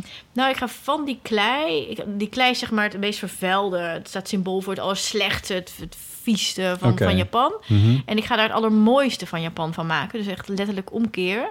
En het allermooiste symbool in Japan is een cherry blossom tree. Dus een, een kersenbloesemboom. Ja. En ehm, ik ga van die klei eh, van keramiek drie kersenbloesembomen maken op ware grootte. Dus ongeveer drie meter hoog. En eentje om terug te plaatsen in die red zone. Eén Wauw. moet naar Tokio en eentje moet naar Nederland komen. En eh, daarvoor ga ik eh, volgende maand terug en dan ga ik eh, kleien. Jeetje. Ja, Ja. dat lijkt me een hoop werk. Ja, het, ja, het is heel veel werk. Ja. Ja. En eh, heel duur ook. Dus ik zoek Ja. ook nog sponsors. Dus als iemand denkt, oh nou, ik wil wel zo'n Cherry Blossom Tree sponsor. Dat kan. Kijk, dan kunnen ze mailen naar Tinkerbell.tinkerbell.com. met dubbel L. Met dubbel L, ja. Hoe krijg je die dan? Maar is dan ook het idee dat die dan een soort zijn? Of dat mensen daar bang voor gaan zijn? Nee, nee, eh, want het ding is dat... ehm, Misschien eh, wel leuk het als je zit- van die groene neonlampjes Nee, erin het zit, zit vrij diep eh, in de bodem. Dus dat betekent dat die stralingsdeeltjes die vrij zijn gekomen bij de kernramp... die zijn eigenlijk niet zo diep de bodem ingezakt. Of in ieder geval maar een heel klein deel. En eh, dus de deeltjes van die kernramp die zitten er niet in. Maar wat heel veel mensen niet weten is dat klei zit natuurlijk in de bodem. is een hele oude laag. En klei is per definitie hoog radioactief. Ehm, dus eh, de klei is ehm, waarschijnlijk net zo radioactief als de bovenste laag van de bodem, alleen komt niet van die kernramp. Ehm, en ik heb toevallig net twee weken geleden was ik bij RIVM eh, om de klei zeg maar te laten testen. En eh, wat De al- Japanse klei. Ja. Ja. Dus wat ik al vermoedde was ook waar, namelijk niks aan de hand. En ehm, dus, dus ja, het is wel zeg maar, weet ik veel, als je gewoon zand hier van het strand zou pakken en, en zou meten en de klei uit Fukushima zou meten, dan natuurlijk is wel wat verschil, maar eh, je gaat er niet aan dood of zo. Niet significant. En als je nou de, de klei uit de Waddenzee zou trekken... dan zou je het zelf redelijkerwijs hetzelfde meten als wat je daar Zou goed Japan... kunnen, ja, zou goed kunnen, ja. Oké. Dat is een interessante bevinding inderdaad. Maar gaat er wel iemand kwaad worden dan nu dit Ja, keer? wie gaat er nou weer kwaad worden? Ah, nou ja, mensen, dus, eh, het is natuurlijk wel best wel controversieel. Veel mensen geloven dingen niet als het gaat over, eh, over stralingsrisico's en dergelijke. Nee. Ehm, dus, dus ja, op het moment dat ik een boom ga plaatsen gemaakt van klei uit de red zone van Fukushima, dan zullen er best wel wat mensen daar angstig voor zijn. Ja, waarom zet je dat in Nederland neer? En Al die dus, eh, radioactieve troep, nou, dus willen Het we is een hele niet. goede aanleiding om te vertellen hoe het werkt. Want er is natuurlijk heel weinig ehm, juiste informatie beschikbaar. De- dus is wel beschikbaar, maar het wordt zeg maar overruled door alle onzin. Ehm, dus het is een hele goede aanleiding. En ook om ehm, in de Japanse cultuur kan eigenlijk niet gesproken worden over iets negatiefs. Dus ze communiceren altijd alleen maar positieve dingen. En het is heel ingewikkeld als er een kernramp plaatsvindt. Want dan dat is best negatief, dus dan kun je er niks over zeggen. En dat, dat vergroot het trauma van slachtoffers. Ehm, en dit is een soort van aanleiding om het wel bespreekbaar te maken in een Ah, mooie vorm. Want je gaat er iets moois van maken. Dus het is eigenlijk een soort, deels zelfs een soort traumaverwerking in Japan. Oké, ja, oh. Ja, mooi, ja. Dus, eh, Ja. dus dat. Ik, nee, ik zit ook even te fantaseren over nog wie er dan, bo- wie er dan boos zou kunnen worden. Maar dat is natuurlijk als je dan een... Als je nu dan zeg maar gezien wordt als een voorstander van kernenergie... Ja, dat is wel interessant, Dan- want veel mensen die dit horen, die denken... ah, zij is voor kernenergie. Ja. Zelfs, er is maar één grote lobbyist voor kernenergie in de wereld. En dat is, eh, die heette Michael Schellenberger, of Mike Schellenberger. En wat heel interessant is, is dat een jaar geleden... eh, weet u vast nog wel dat Arjan Lubach ineens eh, Ja. voor kernenergie... en ook de VVD voor kernenergie... Ja. toevallig net een paar weken nadat deze Mike Schellenberger in Nederland was... en hij wilde niet met mij in debat, eh, omdat hij weet dat ik best wel goed kan argumenteren... en tegen kernenergie ben. Maar jij denkt Ehm, dat de redactie van eh, ik weet Zondag met Lubach... 100% zeker dat die Mike Schellenberger hiervoor verantwoordelijk is. Er is maar één iemand. Absoluut. Voor, de, voor een Ja. redactioneel Ja. stuk bij de VPRO? 100% zeker. Oh, wauw. Ja. Nou, we hebben korte lijntjes. We gaan het even checken. Doe maar, ja. Ja, wat interessant. Ja. Maar Maar omdat goed. ze contact hebben gehad of gewoon omdat Hm. zij hem... Hij is hier, ehm, eh, volgens mij de eerste keer was in september... ging hij in Pakhuis de Zwijger een lezing geven, of een, een, een debat. En daar wilde hij dus niet met mij praten. En toen is hij een maand later nog een keer geweest... en een paar maanden later nog een keer.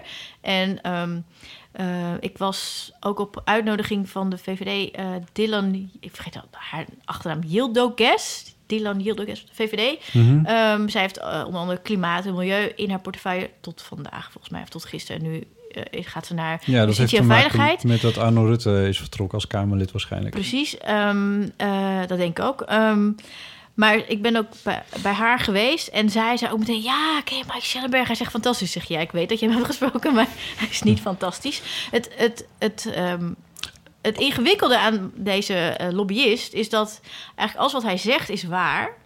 Eh, en hij vertelt hele mooie verhalen over wat allemaal zo Ja. goed is aan kernenergie. Ehm, en het is moeilijk tegen te spreken, want het is waar. Wat, waar je kennis voor nodig hebt, is om te, eh, te, te zien dat hij heel veel informatie weglaat. Mhm. En dus, dus ja, het is waar wat hij zegt, maar de helft laat hij weg, waardoor het allemaal heel rooskleurig lijkt. En dat is het gewoon niet. Ik ga zondag met Lubach niet verdedigen, de VPRO ook niet, want dan kunnen ze allebei heel goed zelf. Maar het was wel zo dat het item in zondag met Lubach kwam op het moment, vlak nadat er was gezegd van we moeten in Groningen van het gas af. En daardoor kwam er een hele discussie op gang van ja, maar waar gaan we dan on- onze energie vandaan? Het was echt eh, ongeveer anderhalve maand nadat die Mike Schellenberg hier voor het eerst was geweest. En een paar Ja. weken nadat hij hier voor de tweede keer was Maar ik kan geweest. toch ook gewoon dat ze hem horen en denken van nou, interessant. Nee, want ze hebben echt zeg maar zijn argumenten gebruikt. Ik geloof er geen zak van. Ja, maar of dat kan ook dat, maar goed. eh, ik, ik denk dat iemand van de redactie bij zijn lezingen is geweest. En er zijn heel veel filmpjes van hem online. Dus Ja. als je je gaat verdiepen in kernenergie, dan, Dan kom je loop je hem. tegen die argumenten die hij brengt aan. En, als je, en ze zullen heus best een tijd bezig zijn geweest met de voorbereiden hiervan. Eh, en dat was precies in de periode dat hij hier was. Jij vindt hem een eikel, dus jij bent niet voor kernenergie? Eh, nou, eh, ik vind hij, hij is een hele goede lobbyist. Maar en, en de meeste mensen weten niet zoveel van kernenergie, dus kunnen hier Nee. niet doorheen prikken. Ehm, Wat, dat- zou, wat, zou, wat adviseer je de redactie van Zondag met Lubach, maar ook onze luisteraars aan om eens een keer tot zich te nemen om goed geïnformeerd te raken in jouw ogen over kernenergie? Ehm, volg Lars Robol op Twitter. Uh, hij is van de? RIVM. Oké, Nederlander, ja. Eh, ja, ik vind hem... eh, en het, het- ik, ik kan heel goed met hem vinden. En ik vind hem... Hij is echt super goed met zijn naam nog een keer, als je wil. Lars Robol. Oké. Hij is van de RIVM. Ehm, hij is volgens mij wel voor kernenergie. En toch vind ik gewoon... Ik, ik, ik, eh, ik mag hem heel graag. En wat hij deelt aan informatie klopt ook. Ehm, alleen, je kunt natuurlijk met dezelfde informatie tot een andere conclusie komen. Ja. Ehm, wat, voor mij leidend is, is dat ehm, ehm, het kernafval, een deel daarvan, dus niet alles, maar een deel daarvan, is tot 250.000 jaar blijft het hoog radioactief. Ja. En we, daar hebben we geen oplossing voor. Dus we hebben wel een soort van, tussen aanhalingstekens, oplossing voor het opslaan van kernafval voor de komende paar honderd of sommige landen voor de komende duizend jaar. Mhm. Het ding is dat er altijd één component is wat we, waar we geen invloed op hebben en wat totaal onvoorspelbaar is. En dat is de mens zelf. Mhm. En de mens zelf kan altijd besluiten om dat kernafval voor iets in te zetten wat je gewoon niet wil. Ja, En al is het dan- maar angst aanjagen. Juist. En ehm, daarom vind ik het een slecht idee. En dan kun je natuurlijk zeggen van ja, maar bijvoorbeeld eh, als je windturbines neerzet, daar is ook heel veel afval bij, is ook slecht en kolen en weet ik veel. Dat is waar. Alleen dat is veel meer, ehm, eh, kun je veel beter inschatten wat de consequenties ervan zijn en wat je ermee moet. En met kernafval is dat niet zo, is te lang. En omdat we het echt niet weten, moet je het niet doen. Duidelijk verhaal. Ja.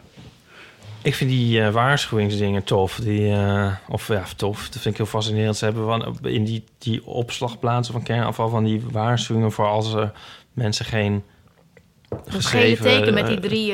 drie- Nee, maar echt plaatjes van... eh, een soort, soort, soort hieroglyphen bijna van als je dan de, zeg maar van die vaten en dat poppetjes die open doen en, dat, en dan zo soort schichtjes eruit en dat die poppetjes dan dood liggen. Oh, en voor- zo. voor als het- als, het- er- voor als er over het schrift 20.000 niet meer jaar begrepen wordt. Ja, mensen daar in de buurt komen. Dat ze weten dat ze daar Oh, die grotten die ze hebben gemaakt, bedoel jij? eh? Ja. Het is een beetje zoals eh, die, eh, die gouden plaat die, die ja, daar hebben ze echt over nagedacht van wat als er andere Ja. wezens of Nou, mensen al- die ja, eh, ja, mensen- anders communiceren. Ja. Wel, ja. ja. Er is een documentaire over gemaakt. Ik kan even niet meer op die titel komen, maar... eh, Maar die, die zijn echt fascinerend. Het zou ook heel leuk zijn voor een film, vind ik. Omdat... Ja, zeker. leuk, ja. leuk, nee, je leuk, moet inderdaad maar- 250.000 jaar vooruit gaan zitten denken. Dat is best wel Het lastig. is gewoon een kwart miljoen jaar. Ik bedoel, we, Ja. we- nou ja, sla een willekeurig Maar dat, hoe, dat is hoe, ik bedoel, daarmee, 100 dat weet die man toch ook. Ik bedoel, dat weten mensen in Pakhuis de Zwijgen toch ook wel als die man kon praten. Van, Nee, maar hij kan lang. gewoon heel goed praten. En hij, hij, hij vertelt dat zo goed... dat als je niet daar super goed in zit... dan, dan ga je helemaal mee. Dat is heel knap. Hij is gewoon echt een vakman. Dat, is, dat is lobbyisme. En Dat is heel, dat is heel goed. Als je dat kan. Ehm, maar het is gewoon een, niet het hele verhaal.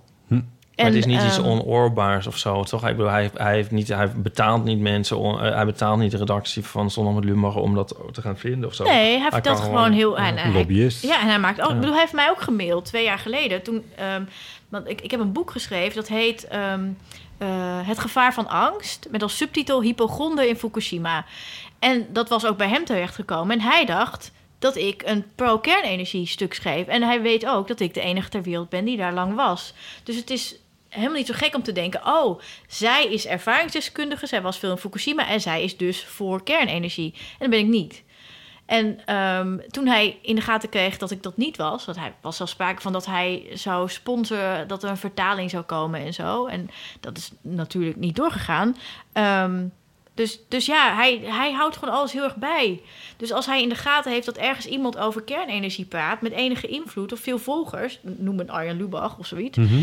hè, of, of een politieke partij, ja, dan, dan haakt hij daarop in. Dat doet hij gewoon heel goed. Ja, zoals een goed Ja, lobbyist. zo, dat- dat is Ja, ook zijn precies. vak, ja. Ja, precies, ja. Oké. Ehm, nou ja, we kunnen in ieder geval Lars Robol, volgen van het RIVM. Eh, als ze hier meer over willen weten en dat meer, ergens meer over weten valt, eh, altijd eh, aan te bevelen. Ja, ja, wat heel leuk is dat je hem ook echt vragen kan stellen... en dan gaat hij dat heel uitgebreid Ja. beantwoorden. Oh, wat goed. En zo. Ja. Ja, wat leuk. Heb je nu nog huisdieren?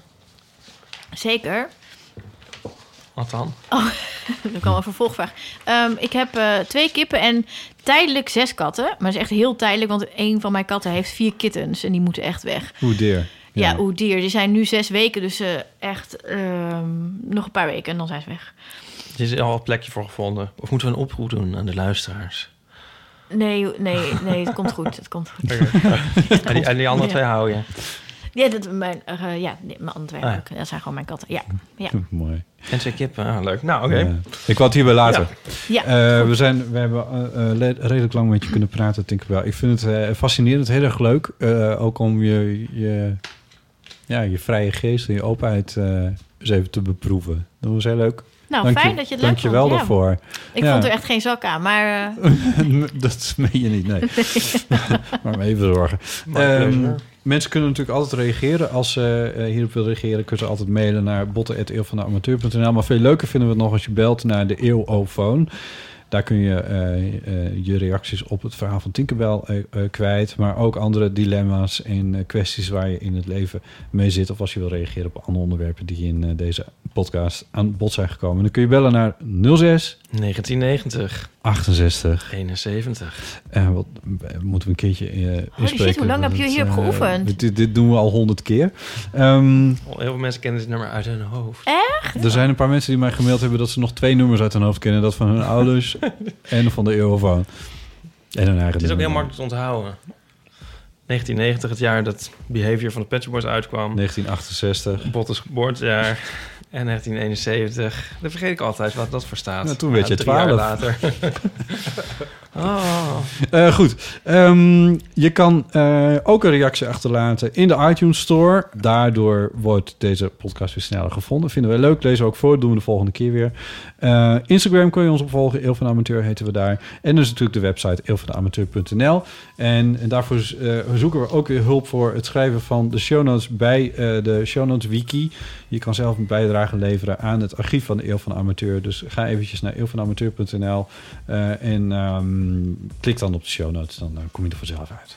Goed, dat was het voor deze keer. Volgende keer. Ja? Oh ja, dat, oh, dat ging je nu zeggen. Dat ging je nu zeggen. Ipe. Nee, ja, niks. Nou, mensen kunnen ook alvast bellen. Want volgende keer dan hebben we weer een gast. Ja. Eh, namelijk Thomas Oldeheuvelt. De schrijver van onder andere de bestseller Hex. Ja, en recentelijk Echo. Ja. En ehm, we Wereldberoemd. gaan hem, eh, thuis opzoeken en kennismaken met zijn ezels. Ja. ja, ik ben benieuwd wat dat wordt. Ja, Ja. misschien word ik dan ook wel ezelambassadeur. Ehm maar, ehm, dus vragen voor Thomas, die kun je Zeker. alvast bellen op de eeuwofoon of mailen enzovoort. Ja. Ehm, ik heb een paar keer op het punt gestaan om de Japan-jingle in te starten. Ja, want die hebben even. we. Doe nog even. Maar ik vond het niet heel gepast, omdat het zo ontzettend serieus was waar het Oh, over maar nu ging. kan het, toch? Fukushima, dat kunnen is Japan. even- ermee uit. Ja, we, kunnen, we kunnen ermee uit. Laten we dat doen, Ja. inderdaad. Het een beetje appropriation, deze jingle. Komt natuurlijk omdat eh, onze Oh, goede vriendin eh, Paulien eh, de- die serie Oh, ja, maakt. ja, dat weet ik. Ja, ja. Uh, ja. Tokidoki over, over Japan. Wat is het kort? Doe nog een keer. Ja, precies. Nee, de tune loopt nu. Tot zover. Hartelijk dank. Tot de volgende keer en bedankt voor het luisteren.